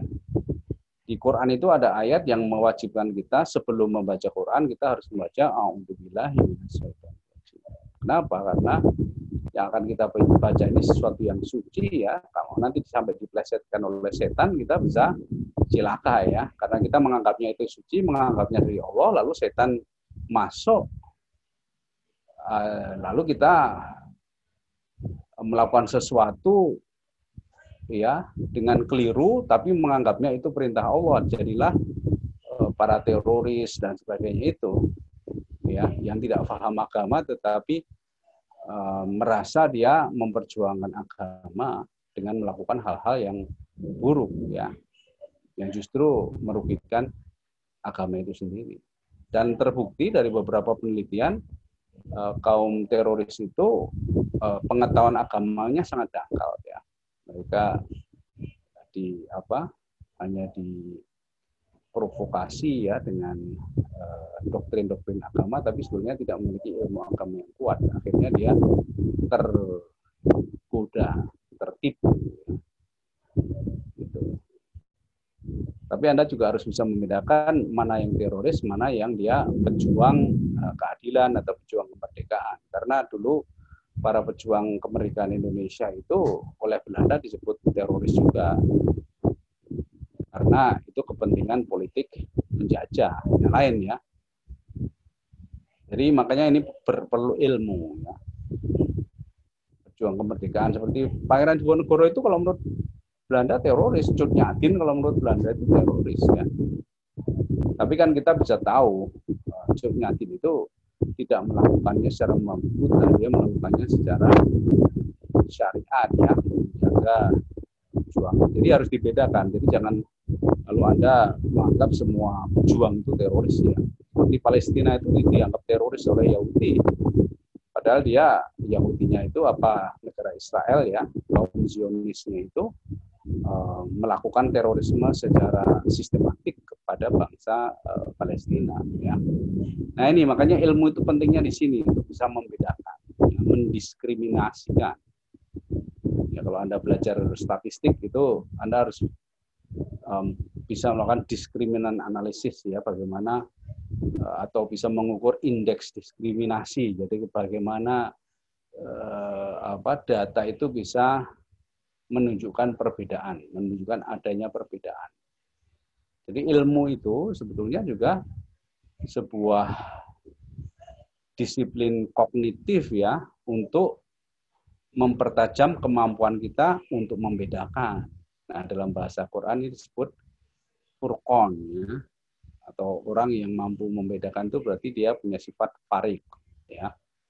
Jadi bisa membedakan furqon dan itu adalah kualitas uh, atau karakter yang yang positif dari uh, kepribadian manusia ketika dia mampu membedakan itu. Jadi sekali lagi kita ketika belajar uh, ilmu apa pun ya, terutama ilmu psikologi ini harus bisa memberikan kita bekal, kemampuan, meningkatkan kompetensi kita untuk membedakan Oke, jangan dianggap semuanya sama. Jangan dianggap uh, apa perbedaan itu tidak penting ya. Jangan dianggap kita um, harus menelan semuanya tanpa mengkritiknya gitu ya. Nah, gitu. Semua teori kita telan bulat-bulat tanpa dikritik itu juga bukan sikap yang ilmiah ya. Kita harus membedakan. Boleh mempelajari semuanya, tapi kita harus bisa membedakan.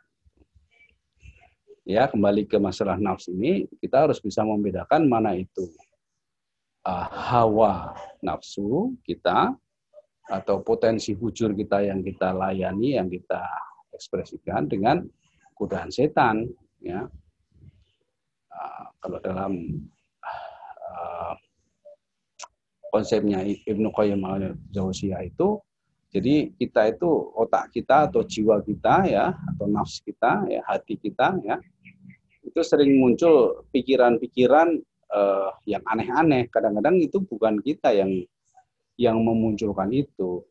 Nah kalau itu pikiran itu uh, lalu apa cenderung mengajak kepada keburukan, maka kita bisa mengklasifikasikan oh itu bisikan setan. Makanya kalau kita mimpi buruk dan mimpi buruknya itu ngeri gitu sampai oh, terkait dengan orang lain yang bagaimana gitu kita nggak boleh menceritakan toh karena itu bisa aja bisikan setan dan setan itu kalau uh, uh, apa bisikan setan itu kalau kita sampaikan ke orang lain bisa mempengaruhi orang lain yang jiwanya lemah. Mungkin kita nggak terpengaruh, tapi begitu kita ceritakan ke orang lain, orang lain itu jiwanya lemah, akhirnya dia terpengaruh oleh cerita itu atau gambaran itu. Makanya kita tidak boleh menceritakan mimpi buruk kita. Oke. Jelas ya, jadi antara setan dan jiwa dan nafs lalu malaikat itu itu real ya, jangan kita anggap sebagai doktrin atau apa sesuatu yang tidak real. Baik. Jadi ini esensi dari nafs. Uh, sebetulnya dari kajian makosid masih ada beberapa lagi ya tentang uh, dinamika dalam nafs itu ya tapi untuk kita saya kira sementara ini cukup uh, tiga ini jadi ada fujur dan takwa kemudian ada setan dan malaikat lalu ada kebebasan dan uh, kemampuan untuk belajar ya kemampuan untuk membedakan atau di sini saya terjemahkan menjadi tanggung jawab ya jadi orang yang bertanggung jawab itu orang yang mampu belajar dari kesalahan, mampu mengubah dirinya menjadi lebih baik. Gitu. Artinya bahwa ketika kita berbuat salah, itu bukan akhir dari dunia ini ya. Jangan kita berbuat salah terus menyesal seumur hidup terus putus asa itu salah. Berbuat salah itu bertobat. Belajar dari kesalahan, bertobat menjadi lebih baik, jangan mengulangi lagi gitu. Itu ajaran Islam seperti itu, bukan untuk diingat-ingat terus sampai menjadi dosa warisan, sampai menjadi apa record seumur hidup ya.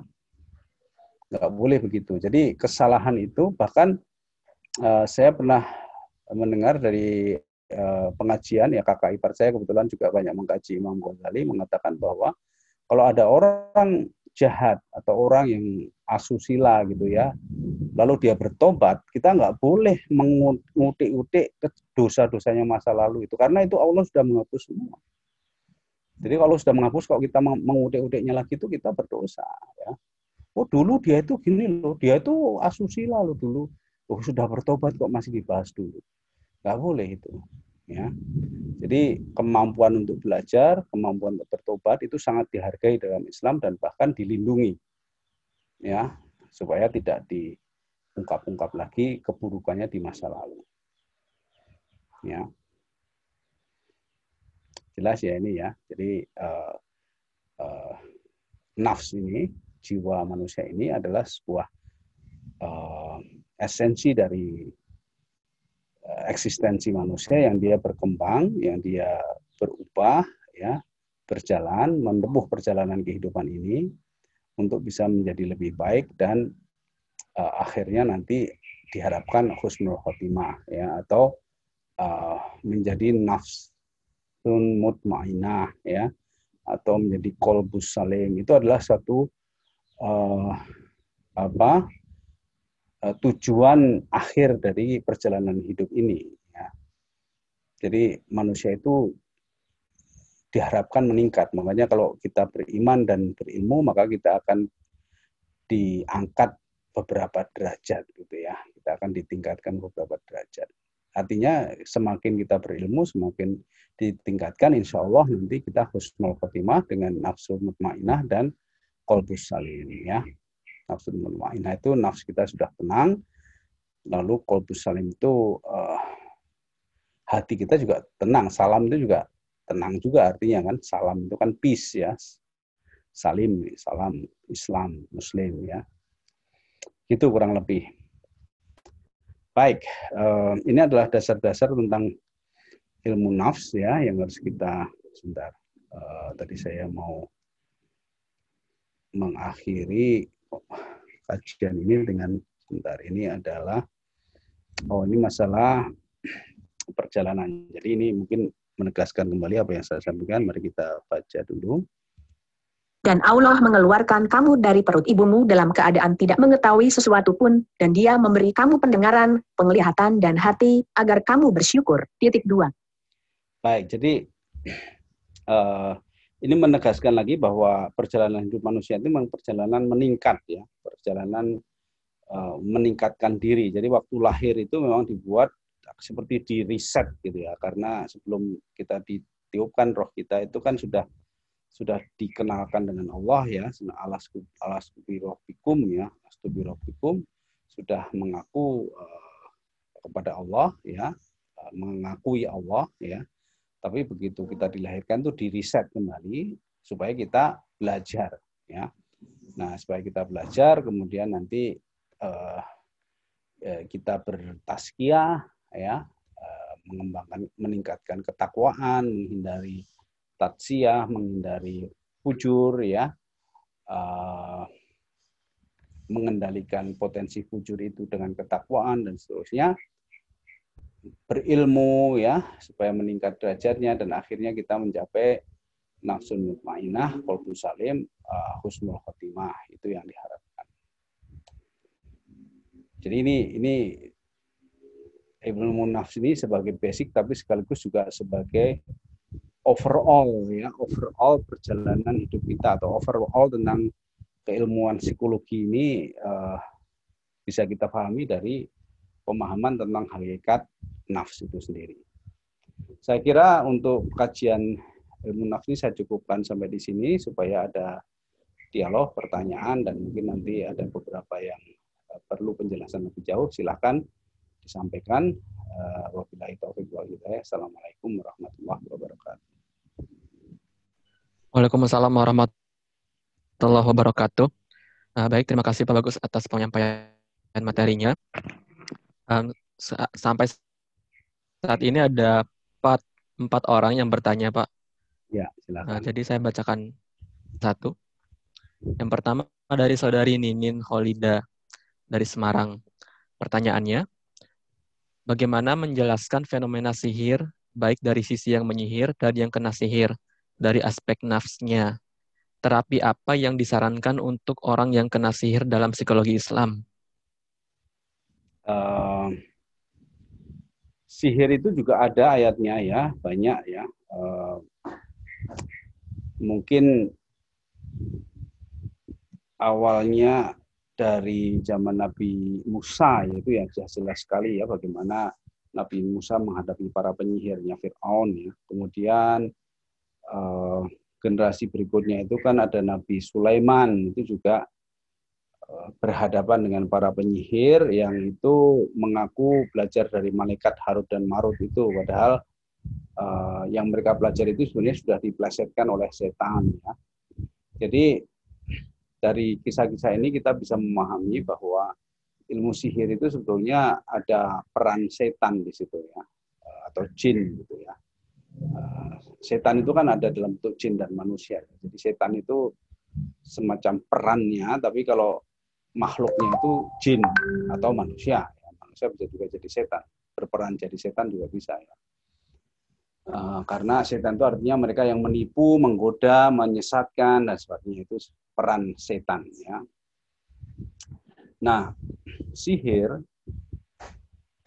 itu kalau eh, apa eh, fenomena sihir kalau lalu melibatkan hal-hal yang sifatnya ajaib-ajaib ya misalnya orang bisa keluar sayapnya ya kemudian bisa berubah wajahnya jadi mengerikan dan sebagainya. Itu kan karena ada jin di situ.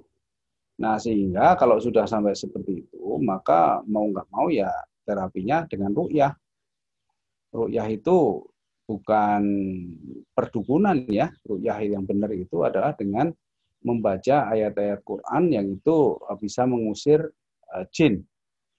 Oke? okay? Jadi kalau Anda di Jogja ini yang cukup dikenal adalah Ustadz Fadlan ya. Saya pernah berkunjung dengan CPMH ke sana karena studi tentang terapi uh, tradisional begitu. Uh, Ustadz Fadlan ini bukan bukan ahli sihir ya. Beliau tuh nggak bisa melihat jin gitu. Tapi beliau punya ilmu uh, tentang ayat-ayat Quran yang itu memang uh, diresepkan lah begitu ya untuk mengusir jin itu. Dan dan memang prakteknya itu uh, betul-betul istilahnya itu efektif ya. Jadi banyak kasus-kasus yang uh, sembuh ketika dibacakan ayat-ayat tertentu surat-surat tertentu dari Al-Quran itu. Dengan satu protokol tertentu ada protokolnya. Jadi misalnya harus wudhu dulu ya. Uh, orang yang terkena sihir atau anu itu kena jin itu dia harus pertama dia dirinya sendiri nafsnya sendiri harus harus mengaku atau berserah diri saya ingin disembuhkan. Ya kalau dia menolak artinya dia sudah dikendalikan sepenuhnya oleh jin itu sehingga ya nggak nggak agak susah untuk bisa disembuhkan. Tapi dia sendiri harus punya kebebasan untuk uh, punya kemauan untuk uh, memilih ingin disembuhkan. Nah, ini syarat ya. Jadi mungkin dikaitkan dengan ayat uh, dari surat Ar-Ra'd itu ya uh, ayat 13 kalau nggak salah ya bahwa Allah tidak akan mengubah nasib satu kaum ketika uh, kaum itu tidak mau mengubah nasibnya sendiri. Jadi kebebasan itu ada pada manusia, ya pada diri, pada nafsu itu. Tadi ada kebebasan dan tanggung jawab tadi, kemampuan belajar tadi. Jadi dia memang minta tolong gitu. Nah lalu dibacakan ayat-ayat, maka keluarlah jin itu atau sihir itu bisa hilang dari dirinya ya seperti santet dan sebagainya itu kan ya sihir juga ya bentuk-bentuk sihir. Oke. Okay? Uh, dan Ustadz Fadlan ini juga cerita bahwa ada yang datang ke situ merasa disihir dan sebagainya setelah dikonsultasi ternyata enggak, cuman cuman kecewa biasa, ya enggak ada setannya, enggak ada jinnya dan sebagainya ya ya cuman dikonseling saja. Jadi tidak semua tidak semua orang yang merasa kerasukan setan atau merasa disihir itu betul-betul disihir belum tentu. Mungkin hanya GR aja dia. Bisa jadi begitu. Oke jadi makanya harus didiagnosis dulu. Jadi prosedurnya itu ya mirip dengan terapi biasa. Harus ada proses diagnosis kemudian nanti uh, diidentifikasi apakah betul itu karena ada unsur goib ya yang masuk di situ. Uh, kalau betul berarti terapinya rukyah kalau tidak ya konseling biasa gitu itu kurang lebih sepengetahuan saya ya, karena saya sendiri juga bukan ahli di bidang itu. Tapi saya punya eh, apa informasi lah begitu yang bisa kita share di sini. Ya, baik Pak, terima kasih. Terima kasih atas jawabannya. Ini ada pertanyaan yang nyambung dari dari pertanyaan tadi. Kemudian ini dari saudara Faisal dari Banyumas. Pertanyaannya bagaimana membedakan suatu gangguan mental dengan gangguan jin? Gitu, Pak. Ya uh, ada ilmunya yang jelas, ada ilmunya dan saya kira kita nggak bisa uh, sembarangan juga ketika menggunakan. Mungkin beberapa indikatornya, misalnya kalau itu gangguan jin, itu uh, orangnya itu jadi punya kemampuan aneh. Gitu Misalnya dia tiba-tiba bisa melompat sangat tinggi, tiba-tiba bisa jungkir balik, padahal biasanya enggak. Gitu. Itu berarti ada indikator, indikasi bahwa itu ada unsur jinnya. Tapi kalau cuman dia gelisah, ini belum tentu. Itu bisa aja dia cuma gangguan mental biasa gitu.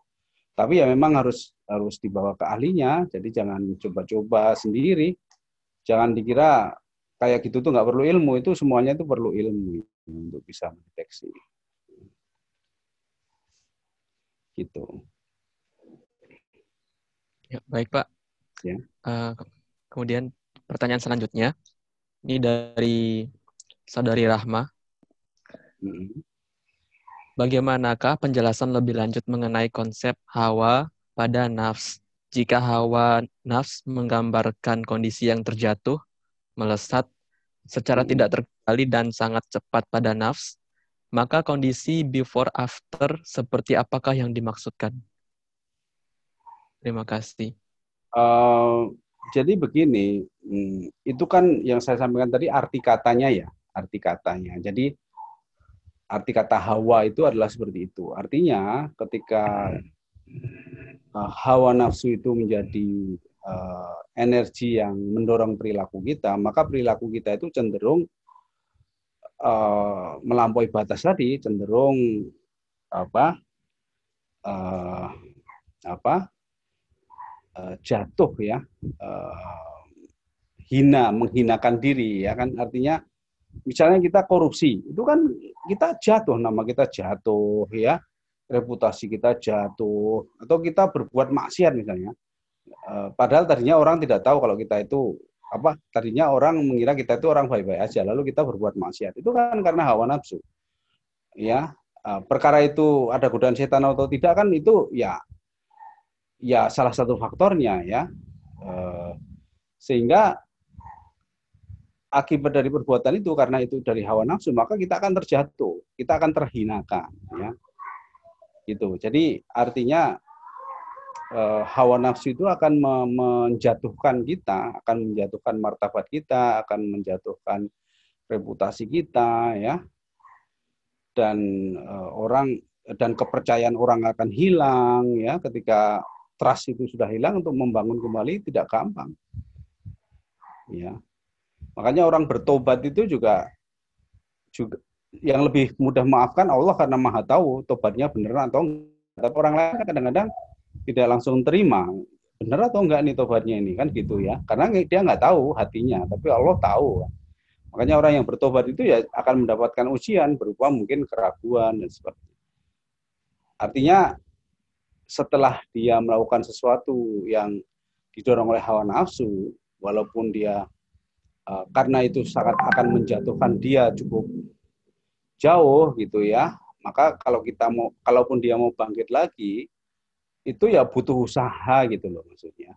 After effect-nya itu dia butuh usaha untuk mengembalikan reputasinya mengembalikan kepercayaan dari orang gitu. Tapi yang penting kalau dia sudah tobatan nasuha ya eh, betul-betul bertobat nanti Allah akan membantu. Begitu. Makanya Allah uh, apa Rasulullah juga mengajarkan uh, bagaimana Allah itu sangat mencintai orang yang bertobat karena itu tantangannya berat bertobat itu ya.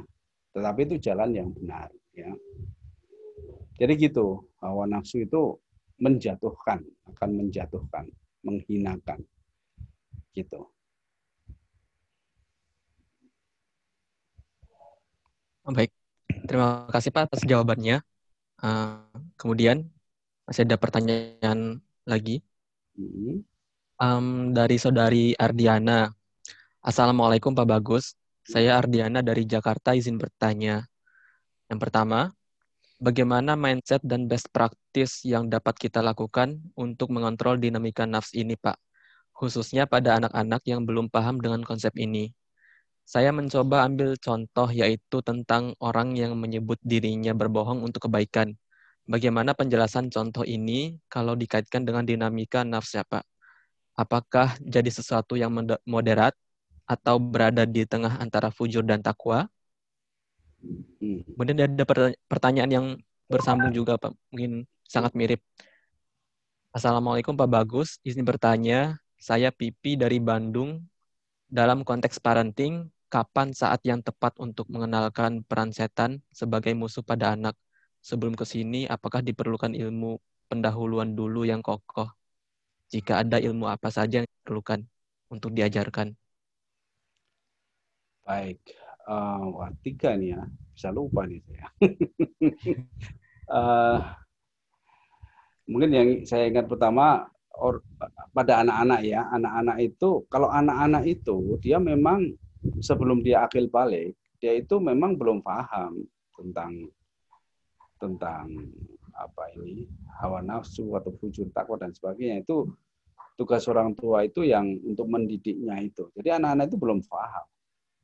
Tapi nanti kalau dia sudah akil balik, seharusnya dia jadi paham karena di situlah mulai dia punya kewajiban dan bisa berdosa kalau tidak melaksanakan kewajiban. Tapi sebelum akil balik ini orang tua harus harus intensif ya mendidik anaknya sehingga anak itu punya sense gitu ya, punya kepekaan terhadap mana yang baik, mana yang buruk ya, mana yang uh, harus dilakukan, mana yang tidak boleh dilakukan itu harus harus di dididikkan selama uh, sebelum akil balik itu sehingga pas akil balik harapannya sudah paham. Nah, fenomena yang terjadi akhir-akhir ini, uh, akil balik itu kan ada dua dimensi ya, dimensi psikospiritual dengan dimensi biologis ya. Balik itu uh, biologis, jadi balik itu ditandai dengan tanda-tanda uh, biologis ya yang terkait dengan menstruasi, mimpi basah dan sebagainya itu. Tapi kalau akil itu adalah uh, psikospiritual, jadi kesadaran untuk uh, wajib sholat, pemahaman tentang benar salah, pemahaman tentang etika dan sebagainya. Nah, akhir-akhir ini banyak yang menyampaikan bahwa ada gap ya antara akil dengan balik ini. Dan balik ini tidak bisa ditunda dan bahkan dia bisa terjadi lebih cepat karena uh, gizi yang mungkin berlebih dan sebagainya dia enggak baliknya lebih dulu akhirnya ketinggalan. Dan ketinggalannya itu bisa bertahun-tahun. Sehingga terjadilah fenomena anak-anak yang seharusnya sudah bertanggung jawab tapi perilakunya masih belum bertanggung jawab. Ini yang justru berbahaya ya. Uh, kalau tidak diantisipasi. Nah ini peran orang tua sangat penting ya untuk untuk me, Eh, mempersiapkan anak-anak ini menuju akil baliknya sehingga dia pas akil balik itu betul-betul sudah paham ya eh, tentang baik buruk dan tentang kewajiban dan sebagainya.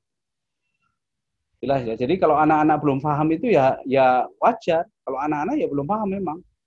Tapi orang tua harus selalu mendidiknya, ya mengajarkannya uh, sampai dia nanti uh, ya sehingga tidak terlambat akilnya ini ya jelas ya nah kemudian kalau tentang orang yang mengatakan berbohong untuk kebaikan itu harus harus merefer merujuk pada hadis ya uh, jadi dalam hadis itu ada beberapa hal yang uh, boleh dilakukan demi kebaikan bahkan ketika itu berbohong. Pertama adalah ketika perang. Ya. Orang kalau perang itu boleh berbohong, namanya deception. Ya. Uh, jadi kita pura-puranya nyerang, tapi sebetulnya itu hanya mancing misalnya gitu ya. Perang itu boleh bohong. Yang kedua, pada istri boleh berbohong. Nah ini baru masalah ini. Tapi bohongnya itu bukan bohong untuk mengelabui, tapi bohong untuk menghindari uh, komentar atau kata yang buruk. Jadi misalnya istrinya itu sebetulnya nggak begitu cantik, tapi kita bilang, oh kamu cantik sekali, itu boleh ya. Lalu kalau dimasakin, masakannya sebetulnya nggak enak, tapi kamu bilang, oh masakannya enak sekali, itu boleh walaupun bohong. Tapi bukan berbohong terus misalnya kita punya uang bilang tidak punya uang, itu itu bukan bohong baik. Jadi bohong yang boleh itu hanya uh, yang saya ingat hanya dua itu ya pada waktu perang dan pada saat uh, memuji istri.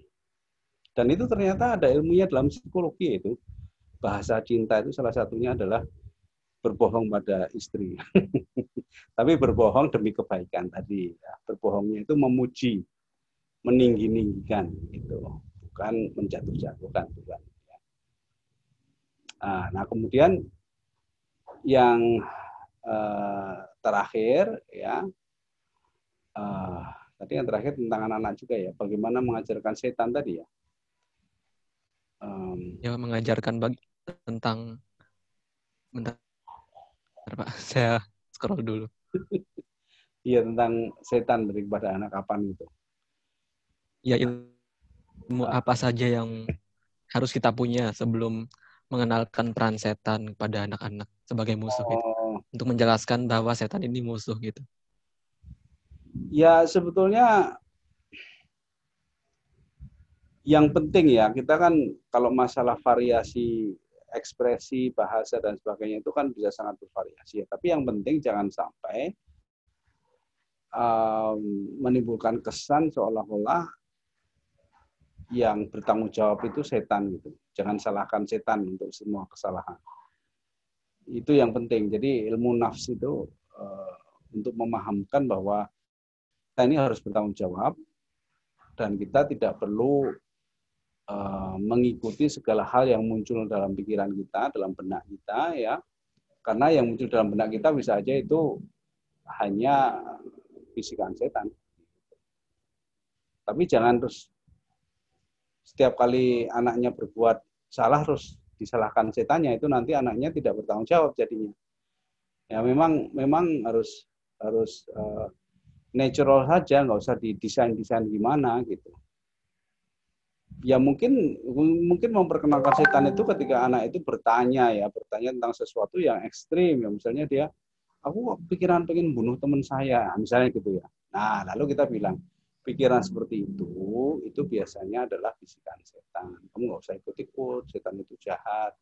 Itu kalau kita ikut bisikannya nanti kita jadi ikut jahat gitu.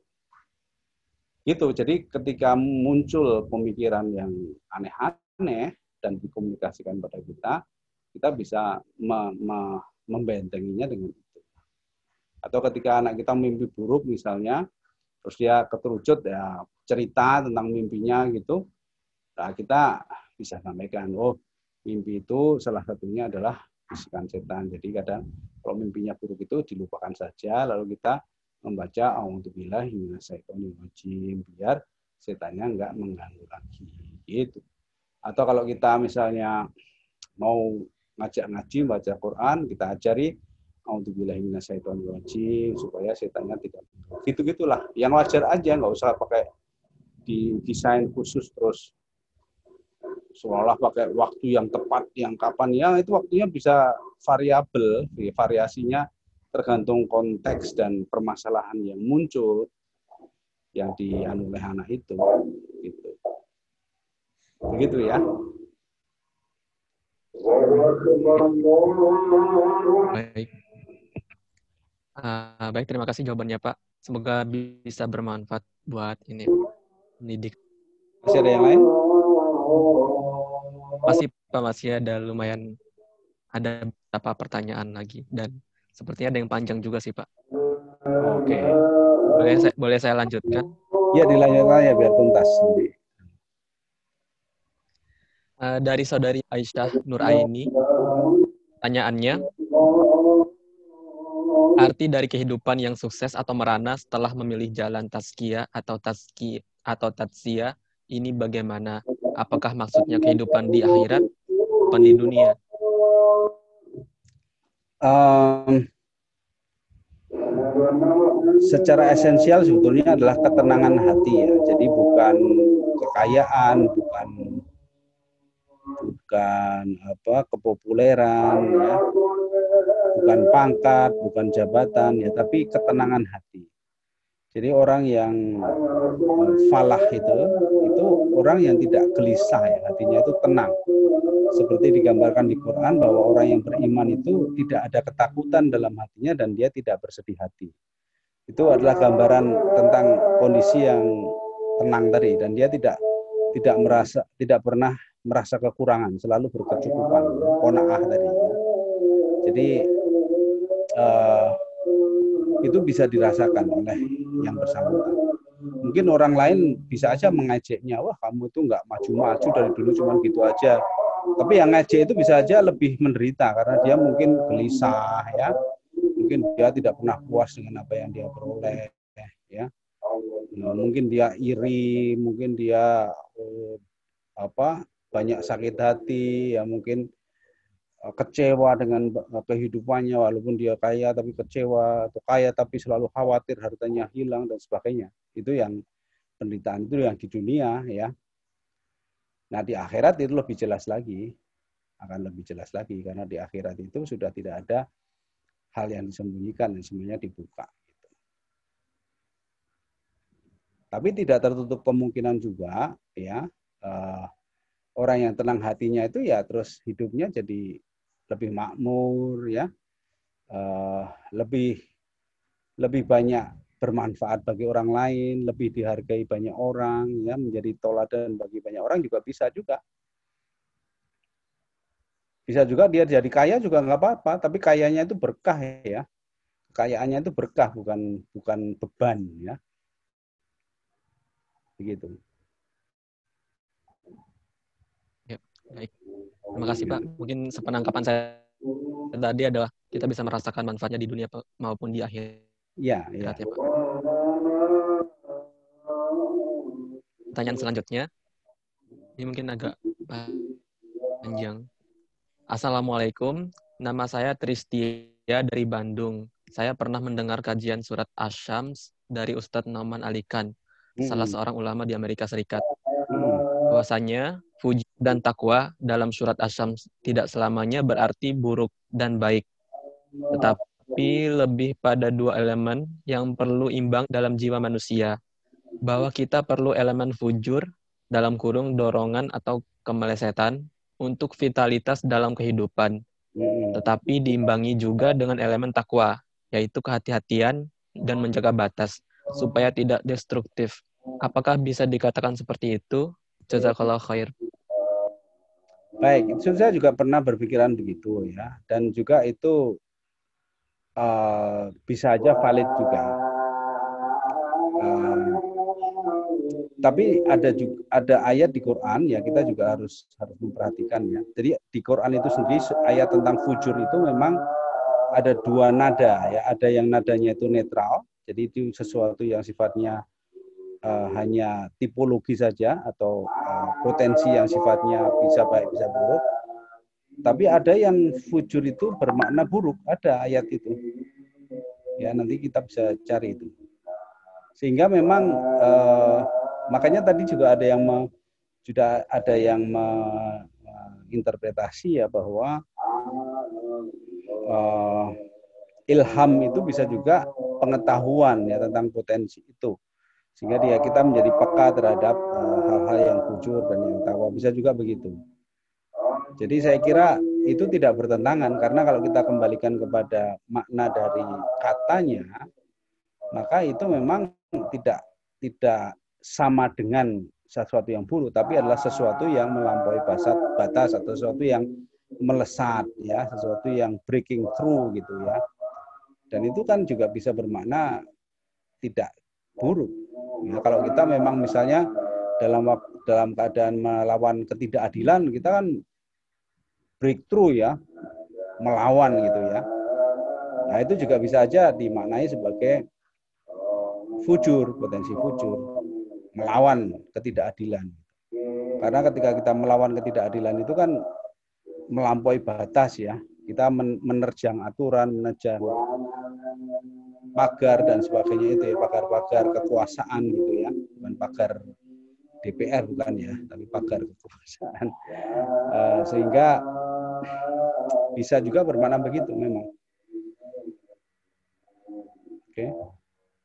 Tapi kalau taskia dan tatsia tadi lebih jelas sehingga makanya karena ini potensi sebagian orang yang uh, mempertanyakan masa Allah memberikan potensi kok buruk gitu sehingga dia menginterpretasikannya seperti Noman Alikan tadi tapi ketika dia mulai berjalan, apakah dia taskia atau tatsia itu saya kira tidak ada perdebatan di sana. Ya.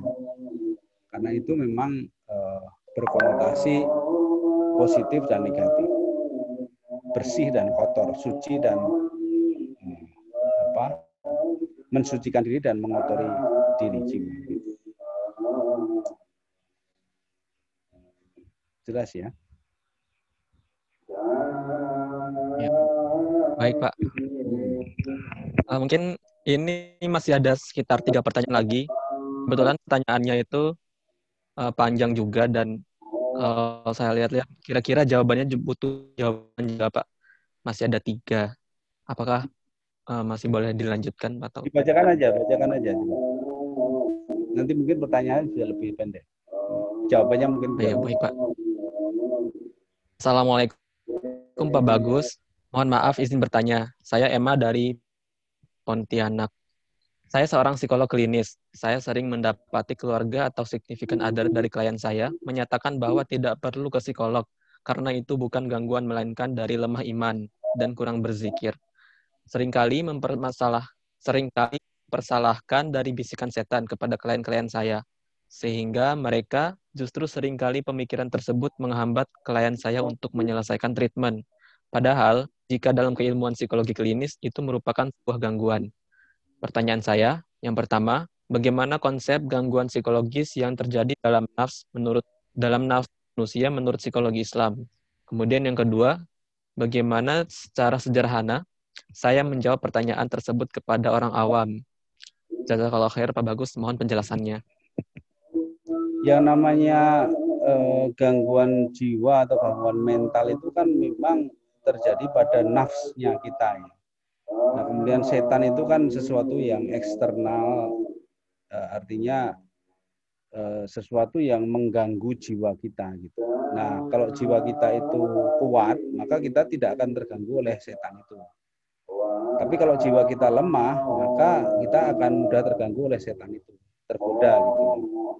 Nah, psikologi itu kan memperkuat jiwa ini, memperkuat jiwa ini secara kognitif, afektif, ya toh dan spiritual ya gitu. Jadi berzikir itu ya salah satu terapi, tetapi bukan berarti uh, uh, tapi berzikir itu ada ilmunya juga. Berzikir itu tidak sekedar membaca subhanallah itu harus masuk ke dalam proses kognitif juga.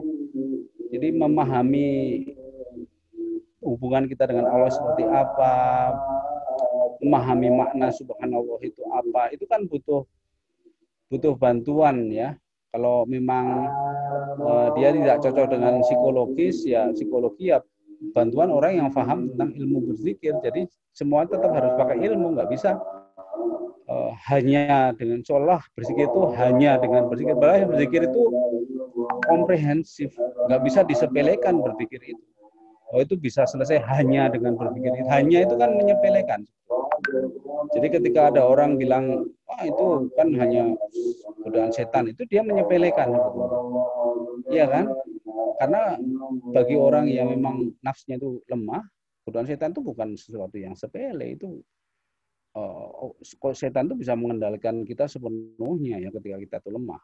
Gitu. Makanya uh, ilmu itu tetap dibutuhkan. Ya.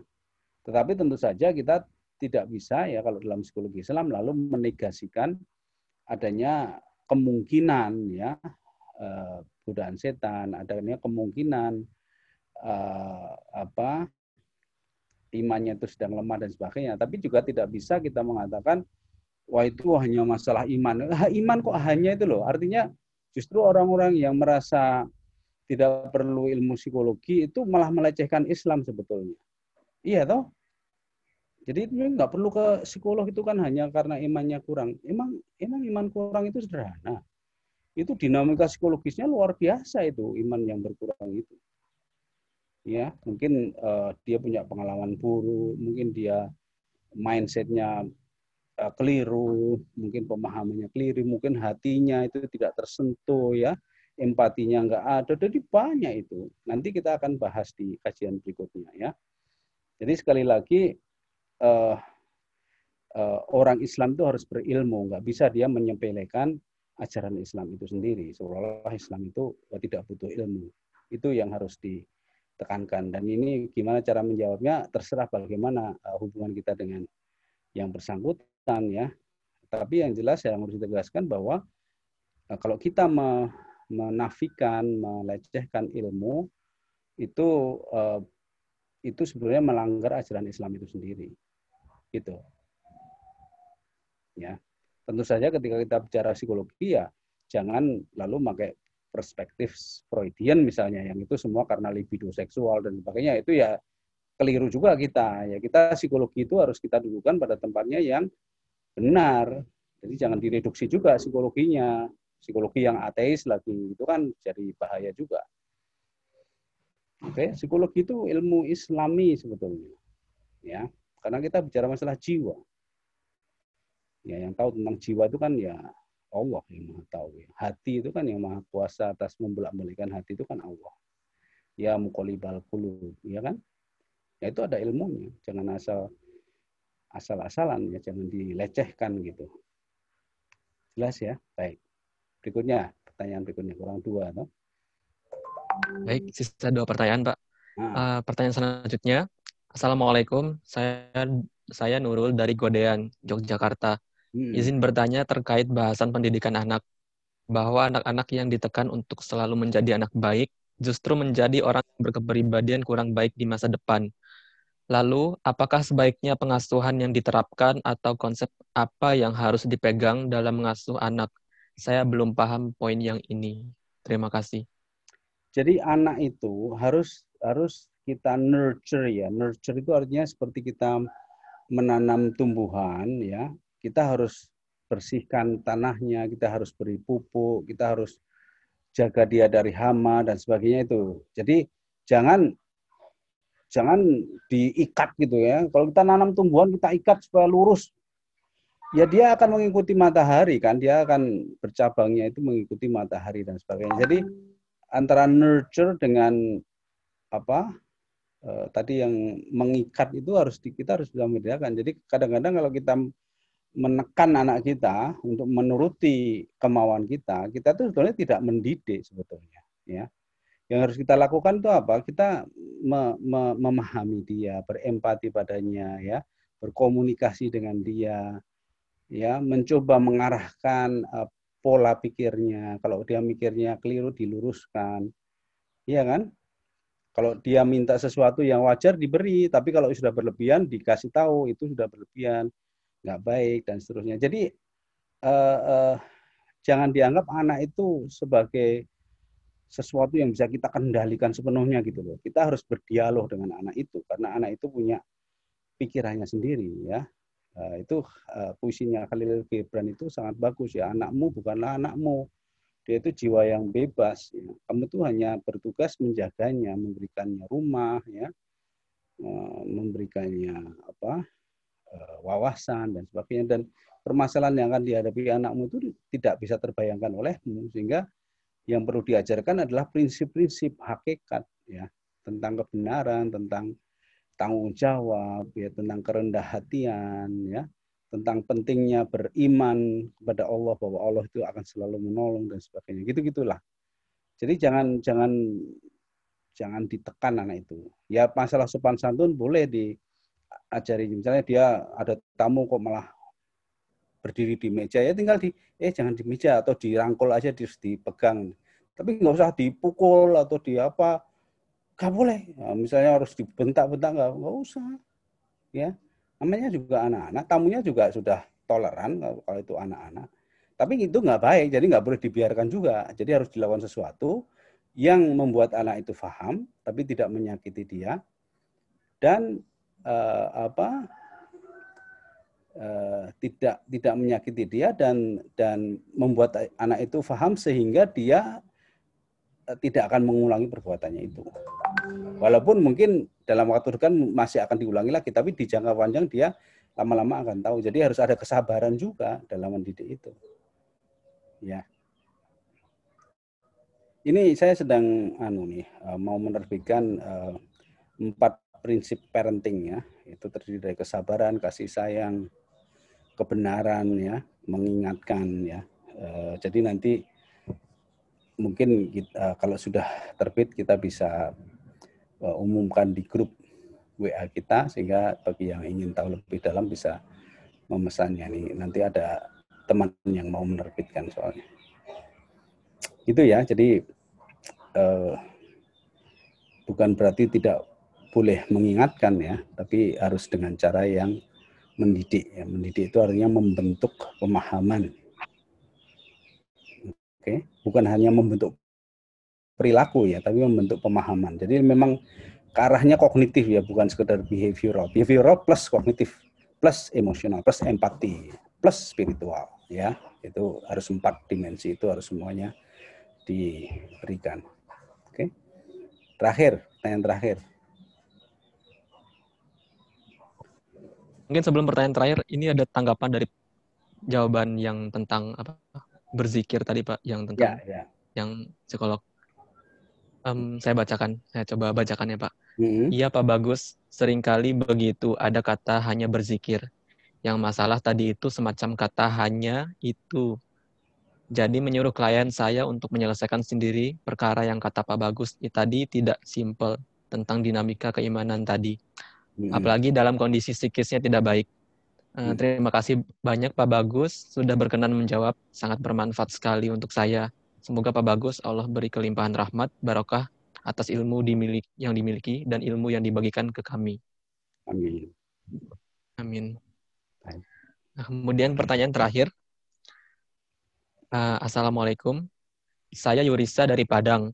Pak Hmm. Bagus, bagaimana menghubungkan konsep dualisme fujur dan takwa dikaitkan dengan fitrah dalam Islam? Saat ini fitrah sering disalahpahami juga dikaitkan dengan sekadar bawaan saja, bah bahkan dikaitkan dengan bakat atau talents. Hmm.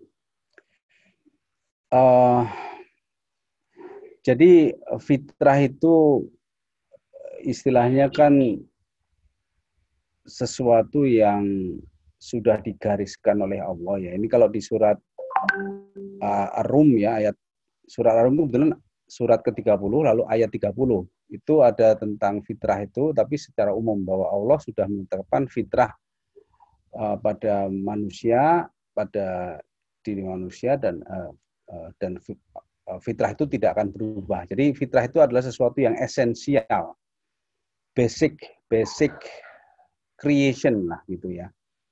Jadi itu bukan sekedar bakat atau apa, tapi esensial dari manusia ini. Makanya um, uh, biasanya di, biasanya dikaitkan misalnya bahwa fitrah seorang manusia itu adalah muslim misalnya gitu ya. Itu esensial dan itu ya ada apa istilahnya itu uh, ada sudut pandang ke situ tentang bahwa fitrah so- manusia manusia itu adalah muslim artinya dia sudah uh, berjanji pada Allah untuk mengakui Allah sebagai satu-satunya Tuhannya kan gitu ya lastu birobikum itu ya. Uh, tapi itu fitrah itu kalau dalam ilmu psikologi agak kurang workable ya. Artinya terus kalau sudah begitu bagaimana? Gitu kan?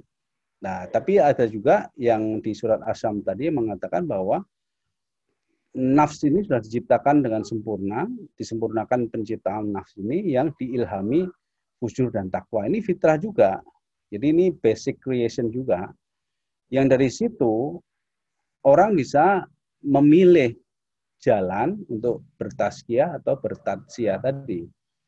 Dan itu ketika itu difahami sebagai suatu fitrah yang mm, lalu menggambarkan dinamikanya, maka itu lebih bisa workable kalau kita garap dalam ilmu psikologi gitu. Jadi kita bukan berarti menafikan konsep fitrah seperti manusia itu pada dasarnya muslim itu juga fitrah juga. Uh, tetapi uh, definisi fitrah yang di surat Asams itu yang lebih bisa kita kembangkan menjadi ilmu psikologi gitu untuk me, untuk men, me, mempelajari menghayati apa itu bertaskia ya dinamikanya bagaimana karena itulah jalan yang akan menyelamatkan kita. Lalu apa itu bertatsia itu eh, pengotoran itu apa saja itu jalan yang sesat harus kita ketahui juga supaya kita tidak terjebak di sana gitu ya Nah, sementara kalau orang yang menerjemahkan fitrah lalu hanya sebagai bakat dan sebagainya itu uh, terlalu superficial ya, kurang hakiki ya, sehingga uh, apa? Ya sangat terbatas sehingga kalau kita mau mengembangkan itu dan itu juga saya kira nggak ada ayatnya di Quran. Ya kalau kita kembalikan pada Qurannya, nggak ada fitrahnya bahwa manusia itu ada difitrahkan menjadi dokter atau difitrahkan menjadi artis itu kan nggak ada di Quran. Jadi ya itu argumen yang paling anu sebetulnya kuat ya bahwa segala sesuatu itu kalau tidak ada penjelasannya di Quran berarti itu itu hanya reka-rekanya manusia saja. Ya, tidak ada tanda lah gitu ya dari Allah yang yang bisa kita jadikan pegangan gitu. Sehingga ya tidak perlu kita ikuti gitu kurang lebih ya Baik, terima kasih Pak atas jawabannya. Hmm. Semoga bermanfaat buat uh, peserta-peserta sekalian. Ini banyak ucapan terima kasih Pak dari peserta juga. Hmm. Uh, dan banyak yang mendoakan. Amin. Hmm, baik, karena waktu mungkin sudah agak lewat dan sudah masuk waktu asar juga. Saya mohon izin untuk mengakhiri atau mungkin Pak Bagus ada kata-kata buat penutup. Uh, baik, mungkin perlu digarisbawahi ya bahwa yang kita kaji ini adalah ilmu ya. Ilmu itu adalah uh, pengetahuan yang berbasis alam, alamat ya, tanda ya. Jadi kita uh, harus selalu ingat bahwa apa pun yang akan kita simpulkan itu harus berbasis tanda. Dan tanda itu uh, ada dua, yaitu apa yang terjadi di alam, yang itu merupakan ayat-ayat Allah yang bersifat hauniyah, hauniyah ya. Kemudian apa yang tertulis di Quran itu sebagai ayat-ayat kauliyah dan dan tanda itu itu uh, harus terrepresentasi di kedua ayat itu. Jadi jangan oh ini di alam ada tapi di Quran nggak ada terus dianggap sebagai tanda. Itu itu berarti kita salah salah salah fokus gitu ya, salah menyimpulkan. Jadi apa pun yang ada di alam itu ada di Quran. Cuman kita mungkin belum paham kaitannya saja, tapi tapi karena itu ayat-ayat Allah itu pasti konsisten, pasti koheren dan bahkan di Quran pun juga ditantang kita. Coba kamu amati alam semesta ini. Kalau kalau niscaya kamu tidak akan melihat cacat sedikit pun gitu, ya kan? Jadi alam semesta dengan Quran itu adalah sumber tanda, oke, okay, yang harus kita jadikan referensi ya, pegangan untuk kita mengembangkan ilmu, termasuk ilmu psikologi ya. Dan bahkan ilmu psikologi ini kalau dari uh, ayat-ayat Quran itu adalah ilmu yang paling banyak dibahas di sana. Karena ini terkait dengan akhlak dan akhlak akhlak itu adalah uh, apa uh, risalah atau message ya pesan yang yang disampaikan oleh Rasulullah Shallallahu Alaihi Wasallam ya memperbaiki akhlak. Sehingga Quran itu bicara banyak sekali tentang akhlak dan akhlak itu dan psikologi itu sebetulnya kalau kita kembalikan sebetulnya dia bicara tentang akhlak ya. Nah di sini sehingga psikologi ini sebetulnya ilmu yang sangat penting sangat fundamental dalam keislaman ya uh, termasuk nanti dalam kita berdakwah ya dalam kita ber, bermasyarakat muamalah ya termasuk juga dalam menguatkan keimanan kita sendiri ilmu psikologi ini sangat penting. Makanya uh, saya sejak memahami ini meningkatkan men, maaf, bertekad ya bahwa psikologi Islam ini sesuatu yang sifatnya wajib ya, bukan lagi opsional ya, tapi wajib. Di mana pun kita uh, apa berkiprah, maka perspektif psikologi Islam itu wajib kita pahami atau kita pelajari. Walaupun dalam bahasa penyampaiannya bisa dengan bahasa yang uh, common ya, common language ya. Seperti dalam buku saya itu uh, istilah Islamnya itu tidak tidak eksplisit dari awal ya. Kita bicara tentang apa yang biasa dibicarakan orang, tapi jiwanya, perspektifnya ya semangatnya itu adalah uh, Islam. Karena kita innalillahi wa inna ilaihi rojiun ya. Dari Allah kita akan kembali kepada Allah. Dan ilmu itu adalah bagian dari perjalanan hidup kita di dunia ini. Dan ilmu itu wajib bagi umat Islam. Itu penting sekali. Saya kira itu saja supaya kita bisa kembali fokus ya dalam menghadapi segala macam perselisihan atau perbedaan pendapat dan sebagainya kita bisa kembali lagi pada esensi dari keilmuan dan ayat-ayat Allah yang di, sudah diturunkan dalam bentuk uh, alam semesta maupun uh, ayat-ayat Quran. Begitu, terima kasih. Mudah-mudahan bermanfaat. Assalamualaikum warahmatullahi wabarakatuh. Waalaikumsalam warahmatullahi wabarakatuh. Uh, baik, alhamdulillah